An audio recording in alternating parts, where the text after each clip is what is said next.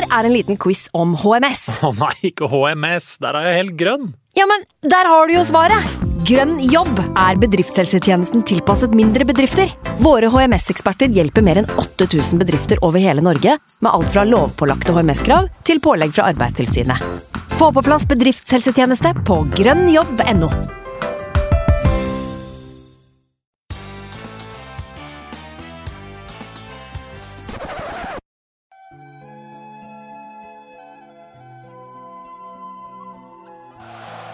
We're into the seventh minute of added on time. And this will be the last opportunity of the game because Odegaard has a corner over on the far side, swings it onto the edge of the six yard box. In goes the corner, cleared only as far as Nelson has to get his shot right. Oh, Reece Nelson with a strike! Oh my word! What a hit that is from Reece Nelson on as a substitute for Arsenal, and he's just gone and won it. This place has gone berserk. From two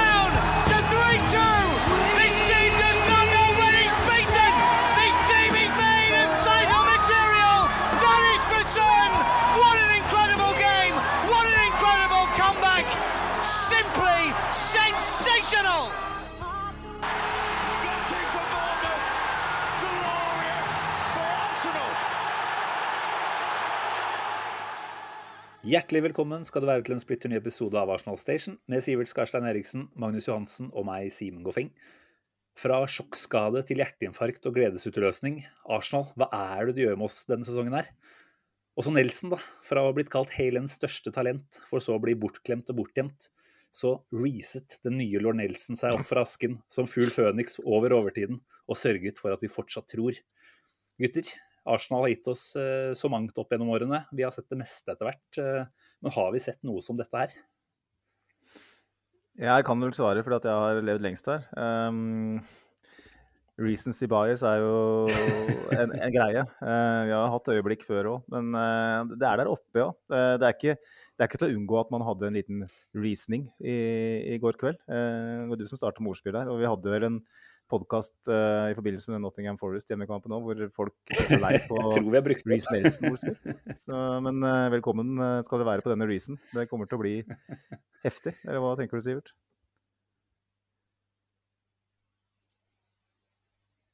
Jeg syns det her er tynt. Ja, ja. Ja. Det er jo i Ja, det var- tynt, er. Jeg trodde du hadde Ja, rukket å bli ja, vant. altså Nei, nei jeg, det blir den aldri, men jeg skal godta det. Eh, og ja, det er deilig. Altså Å ligge under eh, med to og så snu det, det er sånn, eh, det er sånn eh, mesterlag gjør. Og klare å rease opp fra de døde der og, og, og, og få det til. Det er sinnssykt. Altså. Det er helt sinnssykt. Og, ja, jeg var jo på Hybrid, jeg, og jo, koste meg jo. Ja. Eh, litt sånn utydelig linje her, men eh, jeg vet ikke om du står over gryta og koker ris, eller hva det er du gjør. Men eh, eh, Simen, vi har eh, litt av hvert på tapetet i dag. Eh, hvordan i alle dager skal man analysere noe sånt? Det er vel nesten umulig. Ja. Nei, altså, Følelsene er det vel egentlig vi må analysere litt i dag, er det ikke det? Altså, Som Sivert sa før vi starta her, altså taktikkpraten den er du jævlig god på, Magnus. Men i dag så tror jeg kanskje vi skal legge den litt ned i skuffen igjen, og heller fokusere litt på det helt sinnssyke følelsesmessige Det var jo berg-og-dal-bane, dette her. Og hvordan det, hvordan det har prega oss gjennom helga. Eh, Du lever jo, og det er veldig Det var en liten, liten lyd fra halsen til Sivert, eller? Hva er det som skjer her? Nei, jeg, lo, jeg, lo at, jeg lo at Magnus sa Jeg vet ikke om du står og koker Reece. to, to minutter på overtid. Det er, uh, ris, det er ris på bakken, det her. Nei, jeg er i gang nå. Jeg, jeg, jeg har tatt meg sammen nå. Det er bra, bra Sivert. Det blir ikke noe Pål T. Jørgensen eh, i dag, håper jeg. At vi sitter og ler på lufta. Det gjorde vi jo i forrige episode, da vi snakka om meg og deg og mora di på Tiger Tiger. Så eh, det slipper vi i dag. For det, høyd, høydene vi opplevde i lørdag ettermiddag, dem opplevde ikke jeg selv den eh, dagen i 99.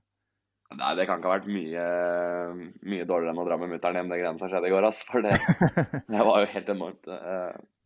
Jeg så jo folk, eh, både kamerater av meg og bare folk jeg følger på Twitter, eh, sa jo at eh, det var jo den sykeste kampen på Emirates noen gang. eh, Over, over Ashavin, over Welbeck, over Henri. Alle, altså, ja, over Henri, over alle øyeblikkene du kan tenke deg, over eh, 4-2 Tottenham, over og alle de Tottenham altså, sånn, det, Den er helt der oppe, liksom. Og for å, å få den konteksten på det da, I går jeg, har, jo- jeg er veldig negativ av meg, men akkurat når den gikk inn, da tenkte jeg da, da går jo alt inn. Liksom, da, sånn, da, da tillater selv jeg meg å tenke at vet du hva, det er annerledes der. Sånn, det der er ikke, det er ikke flaks, det er ikke tilfeldigheter. Det er, det er dyktighet. Ja, det er det. Og når det skjer såpass ofte Det blir litt sånn som når vi snakka om øh, Alex Ferguson øh, sine årganger, som stadig vekk øh, avgjorde seriemesterskap på å vinne flere kamper på overtid. Så mm, det var jo ikke tilfeldig. Eh, Selvfølgelig så la dommeren til litt ekstra, det kan vi kanskje bli enige om. Men de klarte liksom å male det på, og det er, det, er, det er noe vi etter hvert ser som et kjennetegn, kjennetegn i det laget her. Og Mm. eh, jeg sa jo til meg sjøl i går at eh, jeg ba en stille bønn nesten i retning Arsenal at jeg ikke gjør det her mot meg så jævlig ofte, for da kommer jeg til å stryke meg. Det, her, eh, det er en reise og en resopp også, som jeg ikke orker å være på. Det er forferdelig. Eh, og så fantastisk på en gang. Eh, så Simen, du er ordstyrer. Jeg vet ikke, Vi skal vel gå løs på litt Ja, av ja, de reaksjonene jeg og du og Sivert hadde, og i tillegg hva lytterne hadde. Jeg får bare Men, eh, legge til at uh, for meg også så var det her utmattende på et eh, helt nytt nivå. Altså. Det er sånn eh, En slitsom runde med senggymnastikk eller hva det skulle være, det er ikke i nærheten av å måle seg. Eh, jeg satt og var helt ferdig eh, på stuegulvet. For meg sjæl, dessverre. Kun bikkja man kunne dele denne stunden her med. Så jeg får høre litt med dere hvordan dere opplevde 90 pluss 8, og hvordan verden deres så ut da. Men, men ja, som du sier, det er noe vi har blitt vant til dette her nå. Nå var det vel 90. minutt mot United og 93. mot Villa. eh, 97. eller 98. nå, da. Og så hadde vi vel en 86 minutts scoring mot Fulham. Så det begynner jo å kjennetegne seg noen ganske tydelige, tydelige tegn rundt det laget her. Det er mentality Mm. monsters. Men ja, vi får uh, hoppe litt i de reaksjonene vi har etterspurt. Uh, eller du har etterspurt, Magnus. Og du fikk jo, fikk jo svar. Mange som eh, med glede kunne, kunne dele litt rundt hva slags eh, hva slags, eh, hva skal man kalle det, eh, nivå det var på dette her, sammenlignet med hva andre ting man har vært med på. Eh, Mm. det var vel eh, du som har levd lengst av oss, så du kan vel trekke tilbake igjen til, til en kamerat som du ble kjent med i 98-sesongen. Du har nevnt den før vi gikk på lufta her, men Chris eh, Ja, Ray, hvordan, eh, hvordan ligger eh, sammenligningen der, føler du? Syns den treffer spikeren på hodet. Ja. Det jeg skrev på Twitter i går kveld, var vel at hvis det her går veien, som vi alle håper, så, så vil jo Reece Nelson i verste fall stå igjen som en Chris Vré i, i Arsenal-folkloren. Og det er ikke det verste du kan være. I beste fall så er jo det starten på a rise up fra Rice, å si. Det er åpenbart en spiller som har masse ability.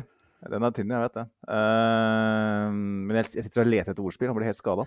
Men han eh, er åpenbart en spiller med masse ferdigheter, uh, og det, det er ikke det det handler om i det hele tatt. ikke sant? Så vi kan sikkert snakke mer om det etter hvert. Men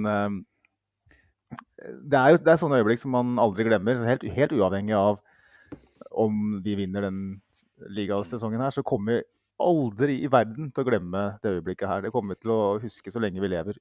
Ehm, og da, da er det verdt det, da. Mm. Så det er sånn Ingen kan ta fra meg Danny Welbeck-øyeblikket mot Leicester, selv om det er en liten bismak. Så kommer jeg aldri til å glemme det. Ingen kan ta fra meg Niklas Bentner på overtid mot Wolverhampton tilbake i Mm, 2010, var det det? Våren 2010. Det var da Sol Campbell var tilbake på, på lån osv. Um, ikke lån, men på en sånn korttidskontrakt. Eh, det, er, det er øyeblikk man, man aldri glemmer, for at det, er, det er som å hoppe i fallskjerm. Altså. Kommer en fyr hit i, i kveld og sier til meg at eh, du skal få gratis fallskjermhopp Og sier at ja, men jeg trenger faen ikke det, jeg. Jeg, har jo, jeg hopper jo fallskjerm annenhver søndag snart. Det er jo like heftig. Vi har aldri hoppa fallskjerm. Det, det kan jo ikke være, det kan jo ikke få, du kan jo ikke få mer adrenalin enn det. Det går ikke an å få mer adrenalin enn når man skårer eh, et så viktig mål så dypt inn i overtiden. Nei, blodpumpa di, ass. Den jobber godt. Hva sier du, Sivert? Nei, det, det, var, det var helt sykt. det. Og jeg møtte jo din kjære bror på puben òg. Ja. Så vi, om, vi omfavna hverandre som, Ah. eh, som, som om vi virkelig elska hverandre, meg og Sverre der, eh, i, i 98. minutt. Så, nei, så for min del så var det rett i baren, altså. Eh, Det var ikke verre enn det. Nei, jeg, fint jeg elsker vei, der. Altså, jeg, jeg sa det jo på slutten av forrige episode, at det jeg liker med fotball, er eh, det greiene der. Mm. Uh, å sitte med gutta på puben, kødde og, og de øyeblikkene der. Uh, det, det er det aller morsomste og beste jeg vet i hele verden. Uh, og altså, jeg satt jo på, på 2-0 eh, og var bare sånn nedfor. Sånn herre Ah, ja, da går det til helvete. Sånn her, ikke sant? Sånn her, jeg var sånn Nei, dette går ikke noe av. Også, og det skal jeg faktisk gi han litt kred for. Han hører jo sikkert ikke på nå, men det satt en Arsenal-fan ved siden av meg i drakt og alt, som jeg aldri hadde møtt før, og vi hadde egentlig ikke prata så mye sammen. uh, egentlig hele kampen. Men så var jeg jeg var litt negativ til kompisen min, da. Og så var han sånn Å, hvis du fortsetter nå, så kan han sette deg et annet sted, liksom. Og så var jeg sånn, vet du hva, den tar jeg. Jeg tar den der. Jeg gikk bort til han på 3-2 og var her, du, jeg skylder deg en unnskyldning. Sånn, du, hadde, du så hvor dette bar. Og han satt, han, helt ærlig, han satt gjennom hele kampen og var sånn herre Nei, det går bra, det her. På 2-0. Ja, det går, bra, det her. Det er imponerende til 0-2, ass. Ja, ja. ja han, han Mm. Så altså, jeg må jo helt ærlig bare lære meg å beherske og bare vente til kampen er ferdig. For nå har jeg jo Nå begynner jeg å skjønne det, at eh, Arsenal-spillere er ferdig, så da skal jeg la de gjøre det. Vi må jo nesten bare innse at vi må bli vant til dette her, ja. Altså, faen ikke et, eh, et fjell som er for høyt for den gjengen her, altså. Åpenbart ikke. Nei. Nei, jeg misunner deg den turen på Var det Hybrid igjen? Hybrid. Åh, flott sted. Jeg satt jeg hjemme alene og delte øyeblikket med bikkja mi på, på stuegulvet. Jeg også er Kom med litt detaljer da, Simen, Uh, fra øyeblikket. Vi vil jo gjerne Litt vite detaljer. hvordan det så ut i stua hos ja, Gofeng. da. Ja, nei, altså, jeg har jo tendens til å havne i knestående på gulvet foran TV-en når det drar seg til. Eh, så det var vel altså, det var ikke mer spennende enn det. Jeg står der og tror ikke jeg lager så mye lyd, faktisk, i motsetning til deg. Du er jo en skriker, Magnus. Eh, Ja. Men jeg, jeg var mer innbitt, og idet den ballen fyker opp i, i høyre hjørne der, så da, da brøles det litt, selvfølgelig. Og da kommer bikkja løpende. Han reagerer fælt på sånt. Og så tar jeg bare tak i han og, og gir han en god klem. Han er 5,5 kilos bikkje, så det var ikke langt før han dessverre avgikk med døden der. Men uh, det, det gikk, heldigvis. Men jeg, jeg også trenger, eh, jeg trenger å klemme litt. Trenger å omfavne noen uh, i sånne øyeblikk. Så jeg lurer på om det må, det må bli fast tilholdssted hver helg framover nå, faktisk. Uh, I Oslo og på Hybrid istedenfor. Det er liksom altså, mer jeg, jeg anbefaler det. Men så har jeg også en ting. Fordi eh, på 3-2, så etter jeg hadde klemt ferdig med broren din, så går jeg til baren, bestiller to jeger og en vodka tranebærjus, eh, som seg hør og bør. Går eh, tilbake til bordet med det. Tar en sipp av eh, det jeg da trodde var min vodka tranebærjus. Den smaker helt, helt, helt grusomt. Jeg går tilbake, sier til han at eh, her har det skjedd et eller annet, eh, hva er det her? Han står på sitt. Nei, dette er en vodka tranbærjus. Eh, Jeg sier at eh, du, vi er, jeg er jævlig glad og sånn eh, Arsenal vant, og, men jeg har ikke mista smaksløkene mine. Sånn, altså, sånn, jeg har jo smakt en vodka tranbærjus før. Dette er ikke det. Og så tar han en liten smak, da, og så sier han nei, å, å, og så, og så begynner han å grøsse sjæl. Det var jo en vodka tomatjus. Å, faen. Tomatjus! Altså når Arsenal skårer i 97 minutter, skal ikke jeg ha tomatjus. Så, Eh, da, ja. Nei, Det det, det, var jo, ja, det var faktisk en tragedie, en liten tragedie, da. Eh, men alt i alt så har Hybrid blitt mitt, eh, mitt faste Arsenal-vannhull i Oslo, altså. For det er, eh, ja, det er eh, fine lokaler og, og god avstand fra meg, og ja, jeg har eh, begynt å foretrekke den over eh, de andre. Mm. Så ja, hvis noen skal til Oslo, eh, tipset ligger der. Komme tidlig er vel også et tips, for der er det ofte fullt. Ja, der er det ofte fullt, ja. Jeg kom vel en halvtime før kampstart nå, og det var jo egentlig umulig å få sitteplass. Wow. Jeg måtte, måtte um, krangle meg til Eller ikke krangle meg til, men jeg ble, ja, måtte ordne litt.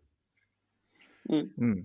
Ja, eh, apropos Tomatius, så um, eh, Jeg blødde neseblod i dag, eh, på dag søndag. Det gjør jeg egentlig aldri. Sist jeg gjorde det, var etter en London-tur, på flyet hjem. Det er fire år siden og sånt, så plutselig bare åpna fl eh, floodgates av seg, og det bare rant blod både på sidemann og meg.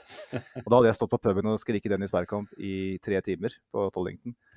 Uh, I går så skrek jeg nok mer til sammen i løpet av de 90 minuttene, eller 97 minuttene, pluss et par minutter etter skåringa til Reece Nelson. Uh, mer enn jeg har gjort nesten hele sesongen til sammen, tror jeg. Det var mye skriking, altså. Og tr tror du ikke at uh, floodgates har åpna seg nok en gang? Det begynte jeg å blø. Jeg hadde, jeg hadde blodsmak i halsen i hele dag. Uh, så jeg, jeg vet ikke, de som er um, noen sånne gastroleger her, har kanskje noe, noe å, å, tilby, hvis det er noen som hører på. Som driver med gastroskopi og, og litt sånt. Uh, er det noe jeg kan skrike rett og slett sunt i, i halsen her? Jeg vet ikke. Uh, men til tross for at min mentale alder ble mm, satt spørsmålstegn ved, så sitter jeg nå her i samme hus som jeg gjorde, under samme tak som jeg gjorde foran kampen i går. Og det er faen meg helt utrolig. For det Snakk om å miste det. Ja. Det minna meg veldig om um, Inngangen til kampen var ikke helt lik, men det minner meg om uh, 5-4 Nei, nei 7-5 var det mot Reading i ligacupen tilbake i 20, kan det være 2013. da. Um, dere husker sikkert kampen, da vi kom under 0-4. Ja. Da skulle Mulig jeg har tatt den historien her på direkten. Uh, direkten? Eh, Vi sitter ikke på direkten, men uh, vi har tatt det på lufta her før. Satt meg ned foran eh, skjermen, sa til min kjære samboer, som da var ganske ja, Vi var bortimot nyforelska på den tida, det er i starten. Eh, så sa jeg at uh, i dag så skal du få slippe å se en sånn der brøleape som hopper rundt i baris og er helt klikk. Det er, det er det er en bortekamp i ligacup mot Reading. Om vi ryker, så gir jeg blanke i det, liksom. Så husker du da ta et telefonmøte på soverommet.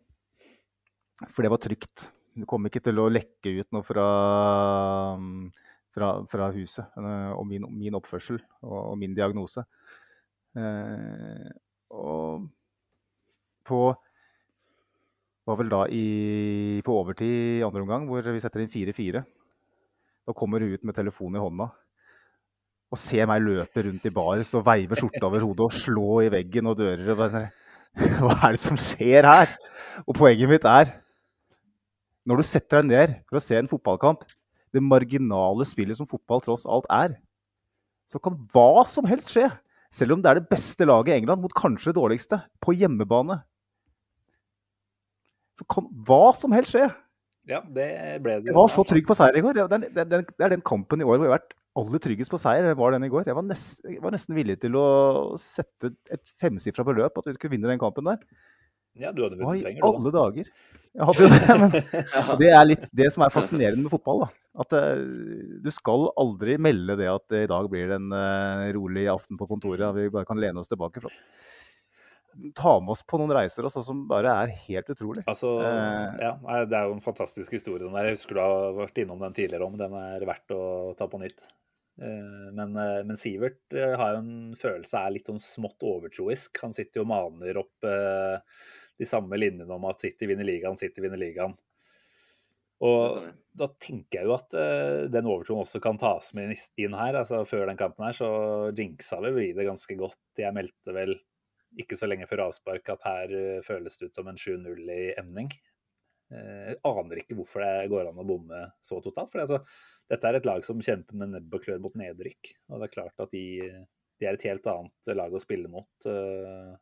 Nå slapp de for så vidt inn fire mot City bare en uke før, men, eh, men det er ikke det samme som da vi spilte dem av banen. eh, Og for så vidt var effektive da òg, da, tidligere i sesongen.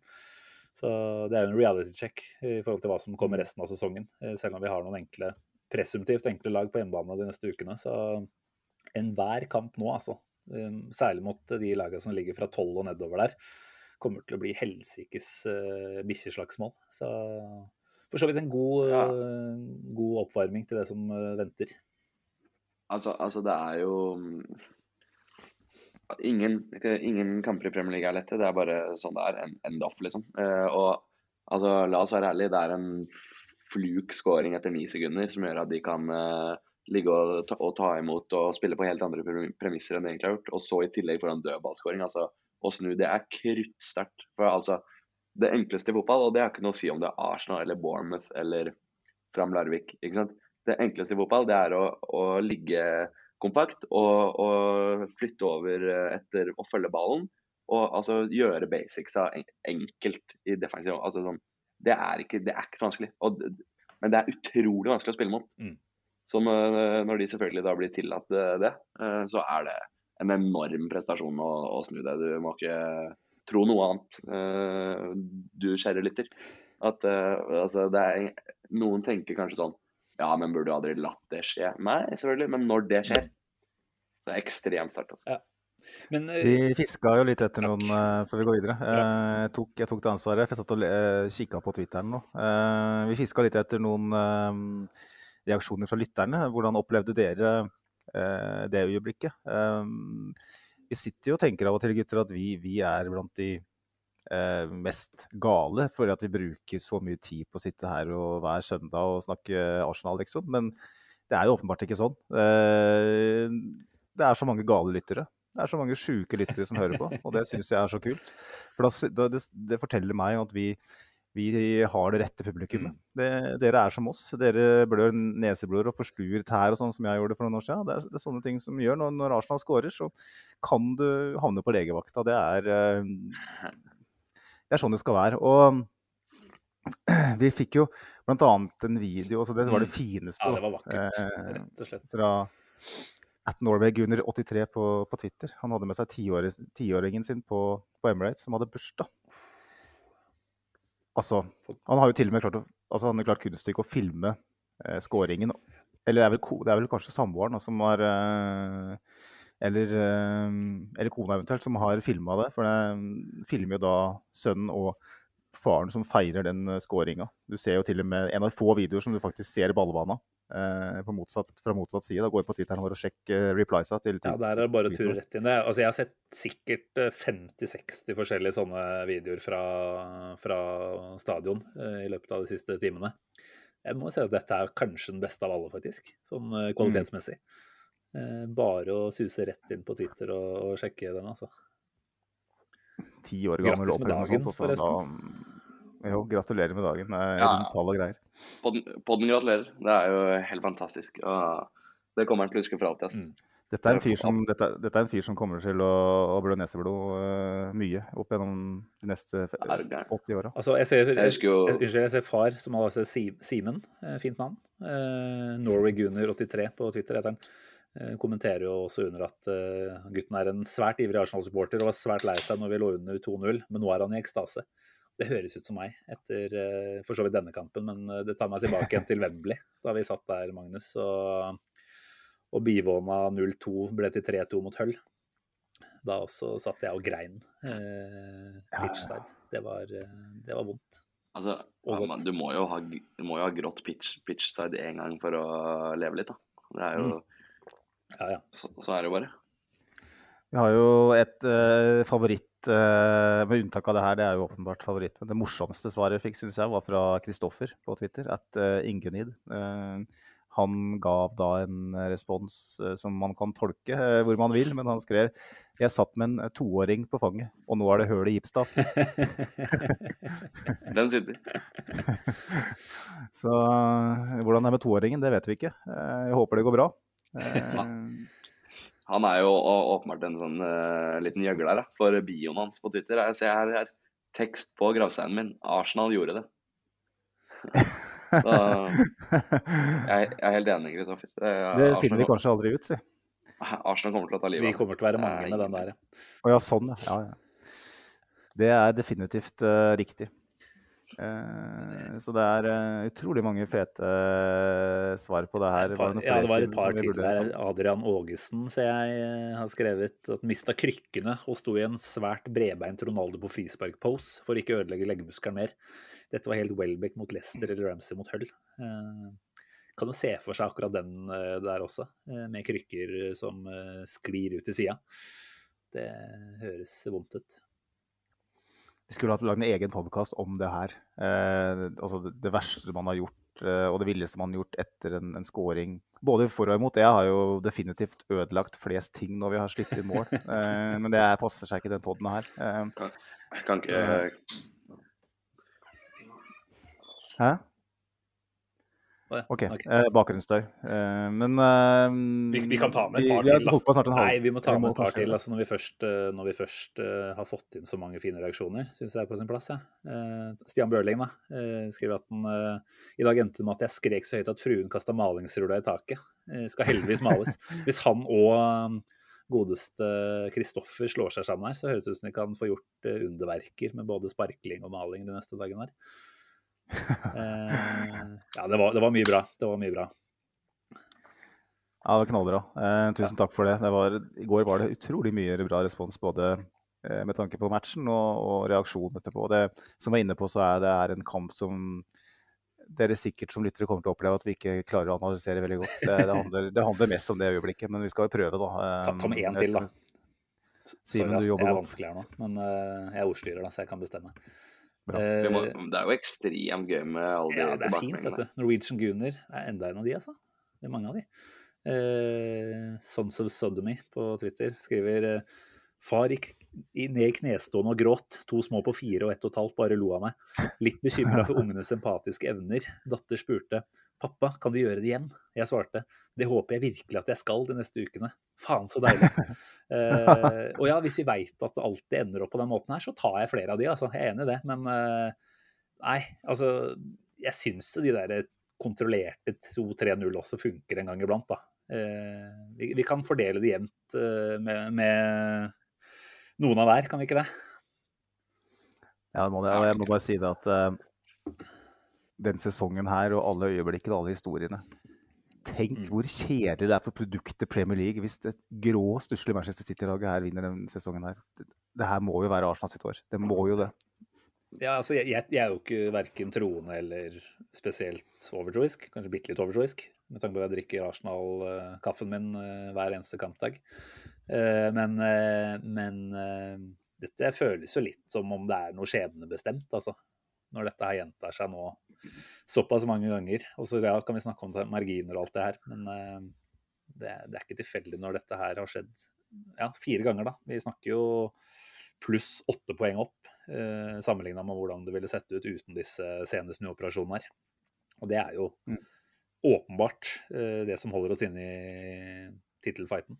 Hadde det ikke vært for de, de responsene, så, så hadde vi dessverre ligget bak City allerede. Så nei, det føles eh, ut som noe helt spesielt nå. Men uh, Sivert, Arsenal Norway har vi ikke tatt, uh, tatt for oss ennå. Det er en ny rekord i ventetid sånn sett, men uh, sånn er det når man er in the heat of the Reece Nelson moment. Eh, kan ikke du kjøre gjennom frynsegodene ved å melde seg inn i vår kjære supporterklubb? Jeg kan det. The Gunners Post i, uh, i uh, postkassa. Og eh, forum på Facebook. Og, ja, og uh, muligheten til å søke på kampbilletter. F.eks. å vinne i 97-0 mot Bournemouth kunne du, kunne du få tilgang til der. Og generelt bare være del av å si Gå rakrygga rundt på gata og si at jeg er norsk Arsenal-fan. Og ha bevis Du på kan det. jo ikke gjøre det. Nei, altså, du får jo et Ja, du fysisk bevis Du må du ha kan ha et lite sånn. Medlemsnummer Ja, det er Medlemsnummer perfekt. hele pakka.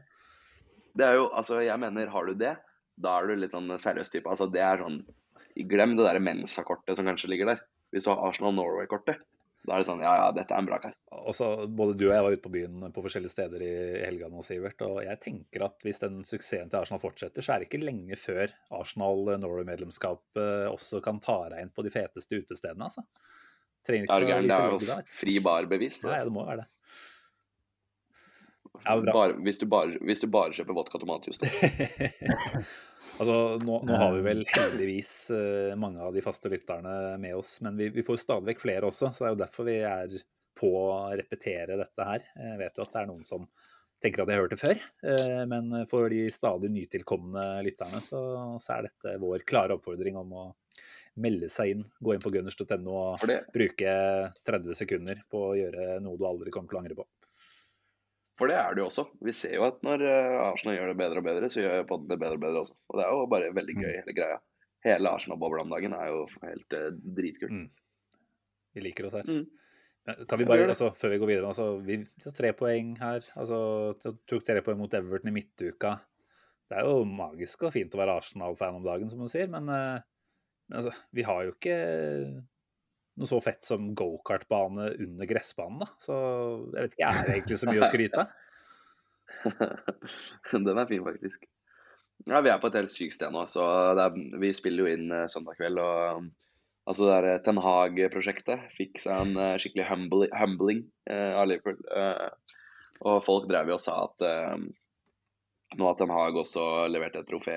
De har kommet like, de like langt som Arteta har gjort på tre år, liksom. Og bare sett deg ned og know your place, liksom. Casemiro er Premier Leagues beste defensive midt, Ja, og. Rashford har vært god, det er vi er- enig i. Men, eh, men vi har jo egentlig sittet og sagt alle sammen, har vi ikke det, at når Rashford begynner å slukne litt eh, Nå har ikke jeg sett kampen, så jeg kan ikke uttale meg veldig, men, eh, men da er også Hadde du sett den, hadde du ikke visst om han spilte. Ikke sant?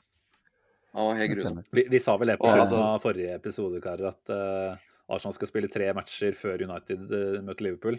Eh, de som var redde for, eller trodde at United eh, var i ferd med å blande seg inn i tittelkampen, de har fått et endelig bevis på at det er de ikke i nærheten av.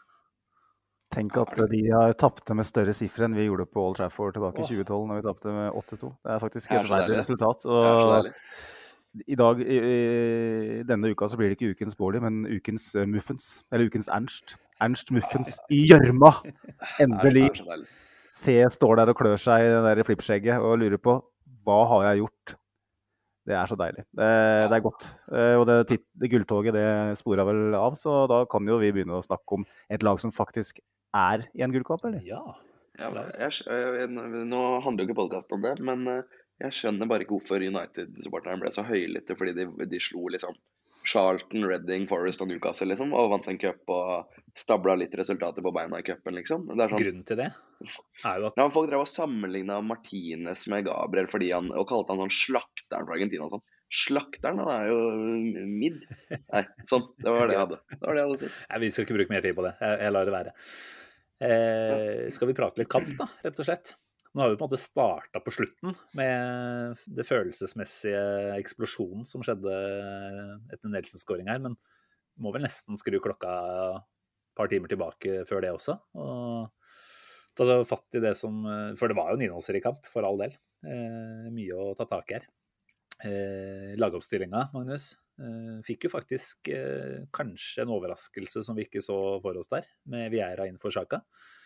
Eh, Personlig trodde jeg at eh, han nærma seg noe, men jeg trodde kanskje det var Europaligakampen i eget hjemland som var mer aktuell. Eh, Trossard eh, fortsatte. Den kåla du bra, Sivert. Nå skal det sies at Nketia var jo skada, da, så vi får jo aldri vite helt om han var uh, tiltenkt å starte den kampen her, men eh, så var det vel en Tomiasso det gjør han dessverre ikke. Eh, Vi kommer tilbake til det. Tomiasso inn for Ben White. Så tre endringer da, sånn sett fra kampen i forveien med Party innenfor for Jorginho også. Eh, tenk, altså, vi snakka litt om det her i stad, at dette var en kamp vi trodde skulle bli veldig komfortabel. Eh, og selv om ikke jeg tror at Arteta er i nærheten å tillate den gjengen her å få sånne tanker, eh, kan det være at ved å putte inn Det må vi være ærlige på at Tomiyasu er denne sesongen er et andrevalg bak Ben White, og Vieira er en backup eh, til både Sjaka og Ødegaard. Eh, når han setter inn to eh, der, kommuniserer det kanskje noe til laget? At her er det Altså, ja, veldig spekulativt. Kan det snike seg en ørliten underbevisst tanke om at dette her blir enklere enn det vi ser for oss? Da har man kanskje gjort det for sjelden, da, eh, så langt. Hvis, eh, hvis det å rotere litt på laget foran en hjemmekamp mot eh, presumptivt svakere motstand skal bety at, eh, at man tar lett på oppgaven. fordi at skal man eh, gå inn i det programmet vi er på vei inn i nå, eh, og komme helskinna ut av det, så må man ta de valgene her. Vi snakka om Ernst Muffens nettopp, og de har jo United har jo rotert ganske mye eh, og har kommet unna med det, vil jeg si. Og foran den kampen i kveld, så eller søndag, da, så, så har det jo sett ut som et, et vellykka grep. Og det er jo nettopp det Teta må, må gjøre. og Hvis han ikke kan gjøre det hjemme mot Bournemouth, da kan han ikke gjøre det i noen match. Eh, men jeg, jeg, skjønner hva du mener. Eh, eh, og når man får den starten i tillegg, så, så føler jeg at man kaster et kort. Da. Hva er det som egentlig skjer? Eh, jeg føler ikke at det kan settes på kontoen for rotering på noe vis. Eh, og da, da, da, blir kampen på en måte en, en motbakke som man ikke så for seg. Eh, og da, da, er det vanskelig å sette det opp mot en, en kamp hvor man hadde fått det første målet tidlig og, og kjørt på. Men jeg tar poenget. Jeg må bare si det at Sjaka har jo sett ganske tung ut i det siste. Og jeg ser for meg at han kunne rotert ut både her og mot sporting og fått seg en skikkelig pause eh, for å være klar igjen da borte mot Fulham til, til helga. Eh, ja. Så støtter, støtter, jo den. Og ja, Ben White, Tomiyasu, det er jo en åpenbar greie man kan gjøre. For Tomiyasu er jo, tross en veldig svak kamp eh, mot Bournemouth, så er jo han så godt du kan komme unna med en backup mm. på, på høyrebekk. Så jeg syns, ikke det var kontroversielt i det hele tatt. Og, Nei, altså, ja. altså, jeg um, følger Magnus på han her, og um, er det ikke kapselgarderobe de, de, kaller det når, uh, når, man har sånn garderobe at alle plagg passer med alle plagg? Uh, og det er, virker for meg som om det er det Arteta prøver å uh, stelle i stand, og det er det de f.eks. har i City. Du ser City beina over Newcastle med liksom Uh, Mares kunne fort starta, det gjorde ikke. Bernardo Silva kunne fort starta, det gjorde ikke. Uh, Rico Louis har sett god ut, han blir benka for Ake eller hva som helst. da. Altså, poenget er at uh, White eller Tomiyasu, ja, det skal liksom ikke være tunge, noe tunge på av det. Uh, Viera Det har vært ganske tydelig at det skulle bli fasa inn en eller annen i den venstre åtteren. Uh, Viera Smith-Roe-variant. Så at det skjer, mm. Du, du, kan liksom ikke si altså Jeg tror ikke vi undervurderte Bournemouth, eh, og det er det jo sånn implisitt, var det jo det du spurte om. Uh, altså Jeg tror ikke vi roterte fordi at det var bare Bournemouth. Jeg tror det er bare altså, sånn, Vi spiller jo, vi har jo spilt eh, utrolig mye matcher nå. Vi skal ut i Europa. Det er sånn, må jo handler bare om å varme opp beina til alle gutta. Ja, og eh, føler for så vidt Magnus og deg også, ja, altså. Så jeg egentlig mer spørsmålet enn at jeg hevder at vi kom inn med en slags uh, undervurdering her. Men, eh, men Arteta har jo sagt det selv, og at det er så mange i den troppen her som fortjener minutter. Uh, så selvfølgelig så må jo han da faktisk gi disse minuttene på et eller annet tidspunkt. Da. Og om noe, da, så er det jo kanskje heller at han enda i større grad skulle kunne putta inn folk i større grad også i andre kamper tidligere. Sånn at ja. Eh, ja. de holder seg varmere. Men, eh, men jeg tenker at nå, nå, kommer vi inn i den deilige torsdag-søndag-rytmen igjen, og da, da, blir alle varme i trøya eh, ganske kjapt uansett. Altså, Vi har en enorm stor stall, og vi undervurderer faktisk det litt det noen ganger. altså Vi skal jo snakke om han opp og ned i dag, men altså Reece Nelson har ikke vært i troppen engang. De to siste, liksom. Kom, kommer inn og er helt avgjørende. Det er jo det er, altså 16. mann, 17. mann på Arsenal er jævla gode fotballspillere. Så jeg har null problem med at uh, det blir testa litt uh, ja, og utfordra litt. Mm. Vi, er, altså, vi, har, vi er det laget i Premier League som har gjort minst endringer i år, liksom. Så når det mm. først kommer et par som er egentlig uunngåelig, så kan vi på en måte ikke si noe. Absolutt. Men la oss snakke litt om det som skjer etter 9,11 sekunder. Eller det begynner for så vidt uh, før det òg, uh, men det er det det tar. Uh, jeg ser det er noen som er ute og skriver at målet skulle vært annullert fordi det var vel et par Bournemouth-spillere som var over midtstreken før den ballen var i spill. Eh, hadde det vært Billing som var Han var vel faktisk kanskje 10 cm, eh, men det var vel en annen som var betraktelig lenger inn på vår halvdel allerede før avspark. Billing skårer jo, så hadde han tjuvstarta eh, med noe mer enn det han gjorde, så tenker jeg det er legit å hevde at det burde faktisk vært, vært annullert. da. Men det er ikke noe tvil om at her blir vi tatt på senga. Arteta sier jo i etterkant at vi visste at Bournemouth har en del sånne innøvde trekk. Eh, Roar Stokke, som han kommenterte, nekta å tro at dette kunne være et innøvd trekk. Eh, Overraska meg at han ikke var eh, mer åpen for det. Men eh, det, det. det, er klart eh, Altså, det er jo tidenes kalddusj. Så enkelt er det. Det er også tidenes nest raskeste baklengsmål. Eh, eller mål, for så vidt, i Premier League. Hva, hva gjør det med med, med oss, tenker dere? Nei, altså... Da, første jeg tenker på, er at vi har jo 97 minutter på å spille ut handikappet. Altså, det er jo Mm. bedre at de kommer i første minutt enn 89 minutt, liksom. Uh, må jo Det som uh, virkelig overrasker meg med Arsenal-utgaven her, er at vi finner så mange forskjellige måter å vinne på. Uh, og det her er jo enda en, en nok en får vi si, jævla stor test. da, Å ligge under etter ni altså sånn all, Hele uka du har brukt til å forberede matchen og alle timene på taktikkrom og med videoanalyse, det er bare rett ut av vinduet etter åtte sekunder. Uh, og altså det Mm. Nei, det er kudos. Kudos å klare å holde huet kaldt da, spesielt når det blir 0-2 også, men bare den starten isolert sett er jo marerittsdagsølen. Og hadde det her skjedd eh, i den kampen på onsdag mot Everton, så er jeg ikke så sikker på om vi hadde klart å, å snu det. Jeg tenker at Bournemouth gjorde en forbilledlig innsats med å stenge spesielt høyresida vår med Saka. Eh, og Billing som aldri har løpt så mye, tror jeg, som han gjorde i den matchen der. Og gjør mye av det samme som Newcastle gjorde, som Brentford gjorde. Eh, det er jo en gameplan som funker mot Arsenal, det, det må vi jo være såpass ærlige på.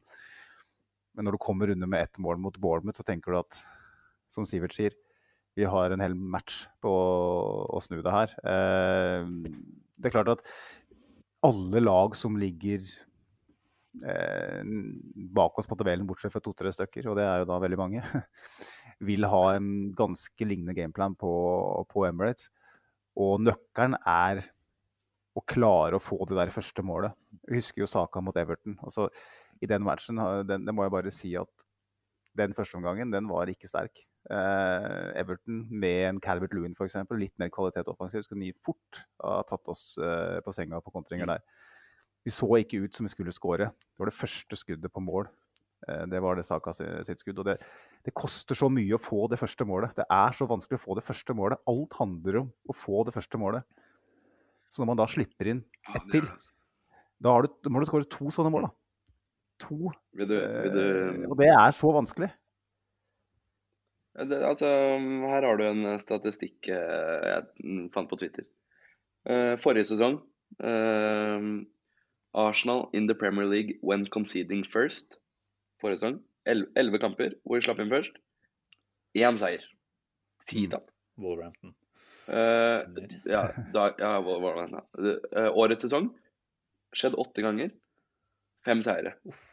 Ja. Bare tre tap. Og så har vi eh, Arsenal in, in the Premier League when conceding two or more goals in the game. Forrige sesong 15 kamper. To, to eh, seire. Eh, altså tolv tap. Eh, I år har det skjedd åtte ganger. Seks seire. Mm. Det, er sånn, det er en helt annen Arsenal-utgave. Mm. Eh, på banen, men også i huene deres.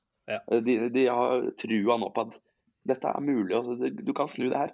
Når Lacassette drev og loffa rundt på topp der, så var det sånn var ingen, var var ingen som tenkte at dette skal vi snu, da.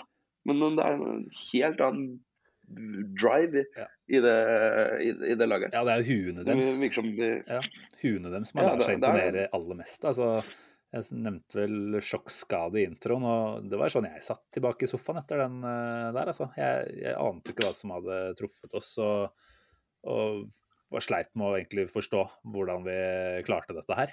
Eh, og jeg tenker jo at eh, selv om dette er toppidrettsutøvere som evner å refokusere veldig fort, så, så må jo dette ha det må jo snike seg inn en eller annen eh, usikkerhet som de ikke var forberedt på. Altså, man kan forberede seg på veldig mye her i, i livet, og for så vidt også i fotballivet, men akkurat den der, den, den tror jeg vel ingen hadde eh, klart å se for seg. Og da er det så imponerende at eh, det tar tre-fire minutter, eh, er det vel, bare, før man faktisk produserer det som egentlig bør være en ganske kjapp utligning. Eh, det er vel en eh, kontrings...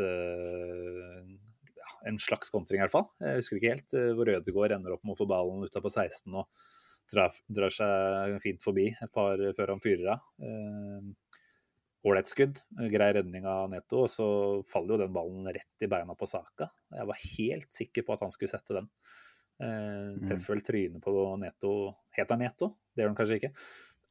Jo. Ja, greit. Eh, ekstremt kjipt at ikke vi får den, eh, selvfølgelig. For da hadde liksom da hadde det mentale vært, eh, vært nullstilt igjen med en gang. Eh, for så vidt, som du sier, imponert over at vi klarer å komme opp på hesten igjen og produsere såpass kjapt, eh, må vi vel kunne sies å være.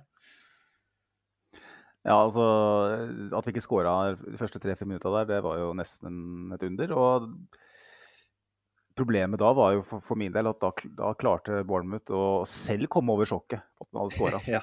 Det var nok en gameplan at de skulle prøve på der, men at de faktisk lyktes med det, det var oddsen for det. Ja. Den nest raskeste skåringa i Premier League-historien. Det sier jo sitt om hvor usannsynlig det er. Eh, så det virka nesten litt sjokka sjøl. Hele gameplanen deres eh, gikk jo på en måte fra å være spikra til å være nagla til veggen.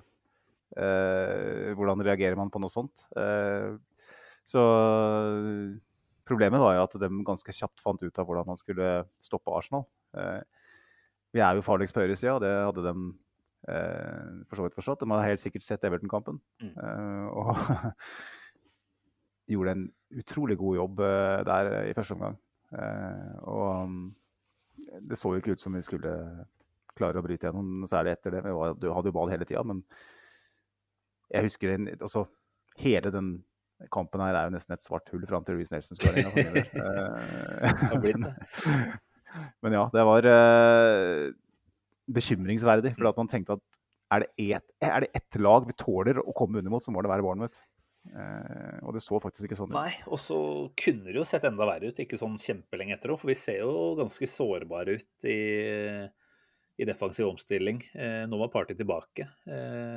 vi hadde vel kanskje tenkt at det skulle bety at vi var hakket vanskeligere å å kontre på eh, enn med Jorginho. Eh, men eh, syns Party i defensiv posisjonering eh, ikke er helt der han skal være i den kampen her. Eh, kan for så vidt ta han på begge baklengsmålene hvis man ønsker det også.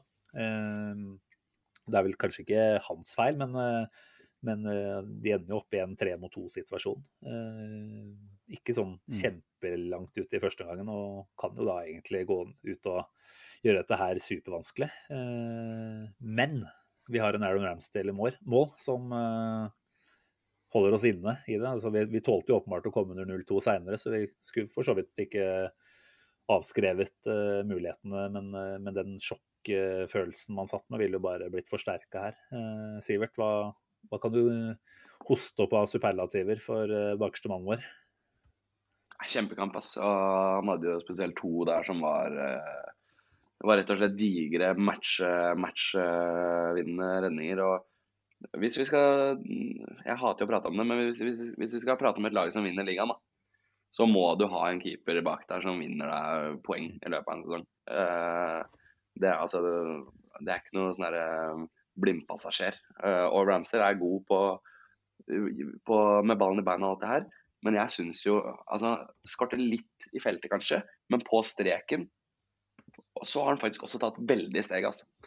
Uh, ja, jeg, altså jeg, jeg, er veldig komfortabel med å ha Ramsdale uh, i mål. Og det, og det, har jeg egentlig bare vokst med tiden. Jeg syns ikke han er sånn Han er jo en sånn uh, tøysekar, liksom. Sånn, kan være litt shaky til tider. Men jeg syns at den tilliten han har bygd seg opp nå, den fortjener han. Mm.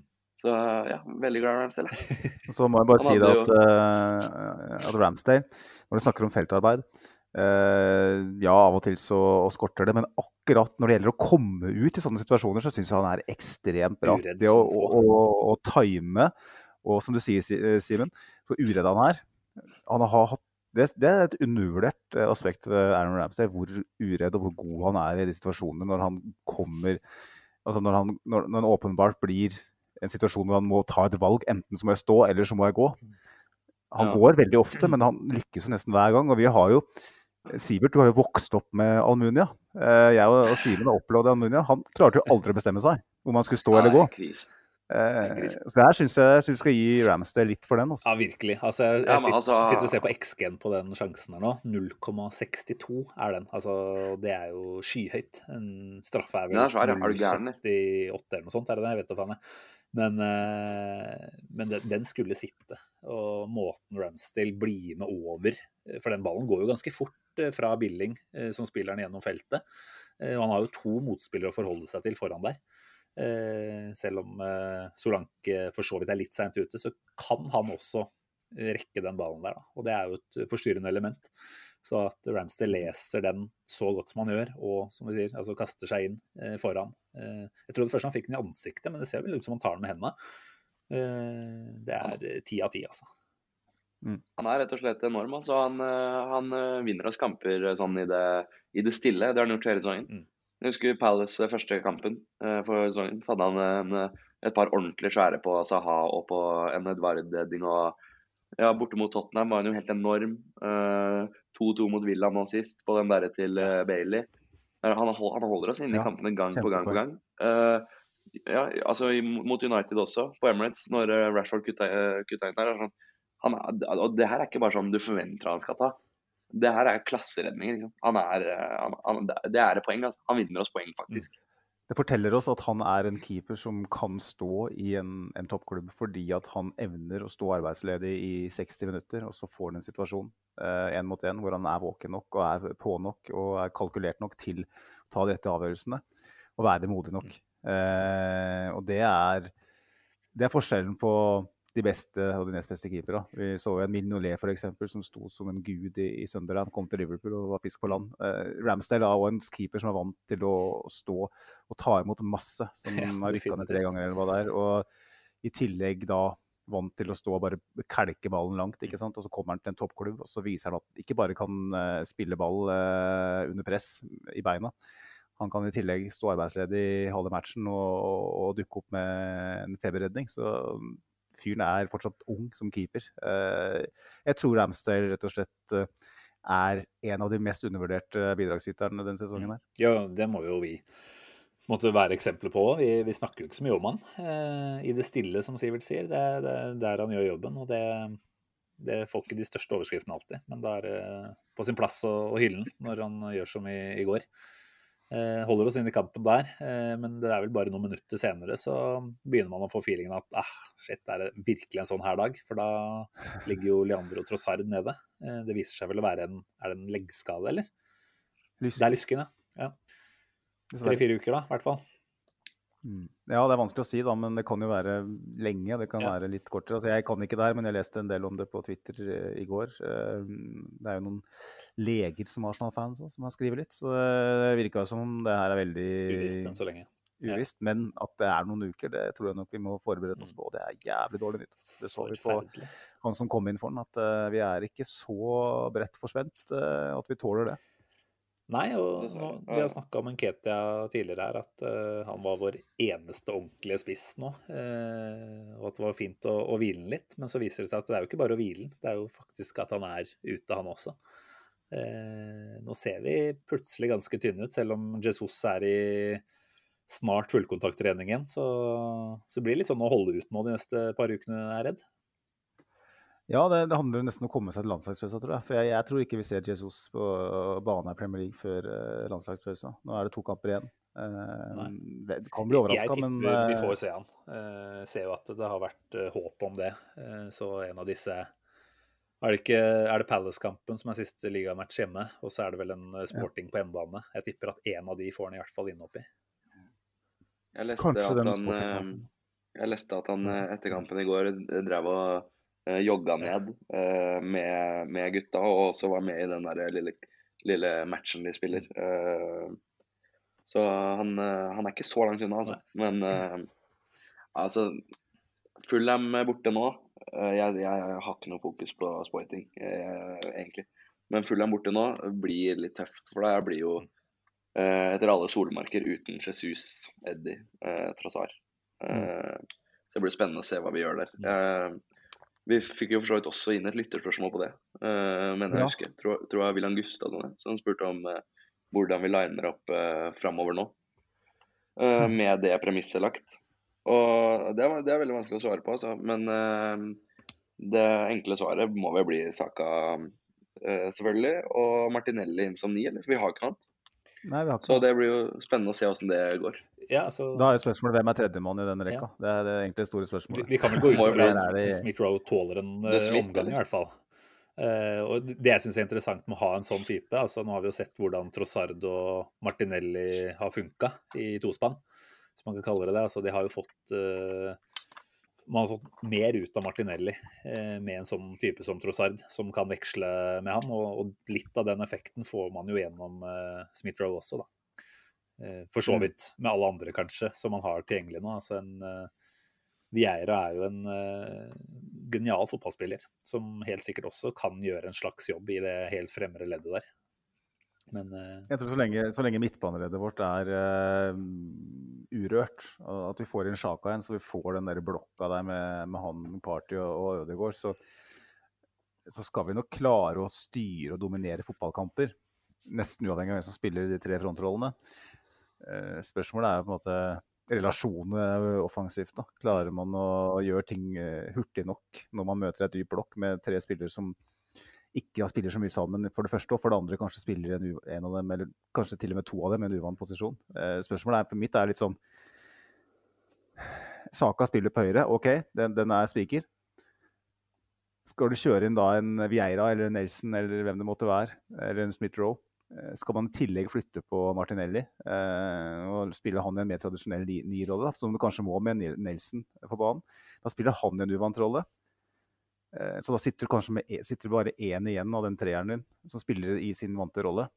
Eh, det er en litt sånn avveining for Teta, eh, hvordan, hvordan, han løser det. Men jeg, jeg, er trygg på at vi skal klare å styre fotballkamper. Men jeg er veldig spent på om vi klarer å bryte igjennom på samme måte som vi er vant til å se Arsenal gjøre.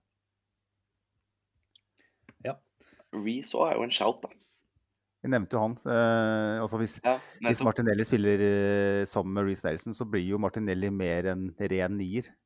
Og det er jeg litt usikker på Martinelli har i seg eh, i mange kamper. Man skal bare ha det i seg i 90 minutter. Man skal bare ha det i seg i 90 minutter på Craven Cottage. Ja, kanskje. Vi får se.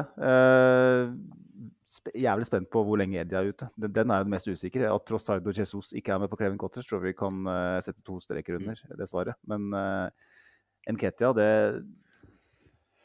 det, Jeg håper virkelig at han er, han er klar også. For jeg, jeg, tror kanskje det er litt av forklaringa til at vi har sett en liten uh, et lite problem hos Eddie siste uke nå. For han var jo så god. og plutselig så virka som en annen spiller. Um, så få tilbake Neddy, som er i nærheten av sitt beste nå i, foran landskapspausa, det kan være helt avgjørende. Spesielt uh, på, på Craven Cottage. Ja. Og så litt i forlengelsen av det Sivert sa om at vi bare egentlig burde kaste sportingkampen på dunken, nesten. Uh, kan du for så vidt snakke litt mer om den på slutten her, men, men uh, nå har vi egentlig to av våre per nå mest faste i den frontrekka da ute. Eh, vi tåler jo åpenbart ikke at Saka eh, får seg et avbrekk. Eh, og nesten fristende å bare sette han på benk eh, til torsdag. Få inn den godeste ja, ja. Dewberry fra juniorstallen. Eh, dessverre så tror jeg ikke at Arteta kommer til å gjøre det. Og han har jo lagt et visst press på Saka eh, tidligere med disse uttalelsene om at eh, de absolutt største spillerne de spiller hver tredje-fjerde dag og spiller 70 kamper i året. Eh, og ja, man forventer jo at eh, neste sesong da, med Champions League, det kan vi jo begynne å banke inn nå at vi kommer til å være med i. Eh, da, da, vil man jo ha f.eks. en Saka involvert så ofte som det, da. Men, men akkurat nå, da, med skader på andre offensive S, så tåler vi åpenbart ikke Saka ut. I enda mindre grad enn vi hadde gjort selv om de andre var tilgjengelige også. Så um, nei, få, få Saka inn i litt bomull og plassere han eh, langt eh, vekk på benken. Det hadde vært en fin, eh, fin ting å se på torsdag. Mm. Enig. Jeg er ikke fremmed for det, å starte Reece Nelson f.eks. der. Mm. Fint. Men det, altså, det blir jo en tellefeil her på et vis uansett. Vi har ikke nok alternativer. Smith-Roe kan Kanskje kan han starte, da, men at han holder noe særlig med en omgang, er vel uh, utopi, basert på det vi så. Uh, man hooker ikke en spiller av hans kaliber hvis man ikke ser at han ikke har det i seg. Og, uh, det er, det, er, vi, gått, vi, går tom for alternativer på, i de offensive rollene. Vi har, vi har ingen. Altså, vi har, som Simen sier, også vi har Kane, han Cozy Jubery. Så har vi kanskje Jeg vet ikke om vi kan hente opp noen fra U21-laget altså, som kunne ha gjort en jobb. Men uh, han Kayon Edwards eller et eller annet. Men det, her blir jo bare det blir useriøst, på en måte. Det er uh, Sporting Lisboa i uh, Europaligaen. Vi, vi, kan ikke kan ikke sette inn hvem som helst. Så jeg er redd for at vi må kjøre en Martinelli eksempel, fra start. Og for meg så er det litt Uh, dumt. da. Uh, man risikerer hele veien at man mister enda en, uh, en spiller. og det er det klassiske onde sirkelen man kan havne i da, i den fasen av sesongen. At man, man har bare et fåtall spillere å, å, å, spille på, og man må bruke de som er fit. Eh, bare se på hvordan Liverpool har hatt denne sesongen her. Det er blytungt. Men for å snakke litt kort om saka helt på slutten her igjen, da, så jeg mener at jeg så en eller annen tweet for noen dager tilbake om at han hadde spilt, vært involvert i de siste 57 ligakampene våre. Kan det stemme? Uh, ja, det tror jeg. Ja, det og altså. mener du husker at i fjor, eller forrige sesong, så spilte han uh, alt som var av cupkamper. Og vi har jo sett uh, denne sesongen her at han har vært involvert i mye europaligamatcher også. så det er jo helt åpenbart at han har et, et talent da, for å holde seg skadefri. Som du sier, han har en bunnsolid base i bunnen. da. Den fysikken hans er helt rå. Så selvfølgelig skal vi være Vi skal vi kan være litt bekymra, men eh, det er ikke noe som tyder på at Saka er en, eh, en fyr som kommer til å, å ikke tåle dette her, da. Det Én ting er å ikke tåle det, en annen ting er at hva gjør det med overskuddet hans? Jo, det, ja, det, det syns jeg er kanskje det viktigste. det er sant. Så det, om man holder, ska, holder seg skadefri, det er én ting, men en viktigere ting for meg når det gjelder en spiller som han, er jo hvor mye har han igjen på tanken når de viktigste kampene skal spilles. Og det er eh, misunner ikke Mikkel Ariteta de valgene han skal ta nå på torsdag. Mm. Skal vi kjapt tilbake igjen til eh, matchen, bare for å jobbe oss uh, gjennom den, eller? Ta andre gangen. Uh, husker jo ikke helt hva som skjedde, egentlig, før Bournemouth uh, fikk 0-2 der. Jeg vet ikke om vi hadde noen kjempestore sjanser. Syns det var litt sånn småtamt ut fra, ut fra garderoben. Nei. Det var ikke det. Det var jo et par eh, straffeshouts da, selvfølgelig. Men, ja, de eh, er jo for så vidt et eget kapittel. Da. Jeg vet ikke om vi skal bare dunke alle de i samme, samme prat her med en gang. Hvor mange mener dere at vi skulle hatt? Eh, jeg mener én. Enig.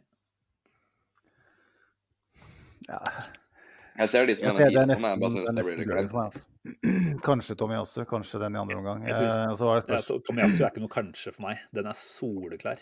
Og at ikke, det er den jeg mener. at ikke den blir tatt, det, det syns jeg Ble den sett på? Eh, for de så vel på Ja, ja. ja de gjorde det. Eh, den første var jo denne hvor eh, en høy ball inn i feltet lander ned på overarmen på den ene stopperen til Den syns jeg er grei, ass. Enig. Syns den er grei syns også det ser ut til at Vieira er inne og pusher den litt ut av balanse der, som bare understreker at den ikke er straffbar nok. Da. Men Tomiasu sin, den er klink. Uh, og det var vel rett før pause, så åpenbart på et tidspunkt som det hadde vært gull for oss å få en scoring på. Så det er jo sånt som igjen kunne blitt veldig avgjørende i vår disfavør her, da. Har vi kvittert ut den, den Hensen i første omgang? Den ballen som dropper fra lufta oppå på skjorteermen til han jo. Eh, for at jeg hørte, hørte de sa i studio på Viasat at, eller Viaplay at, at den er kvittert ut. Den, uh, det var ikke hens.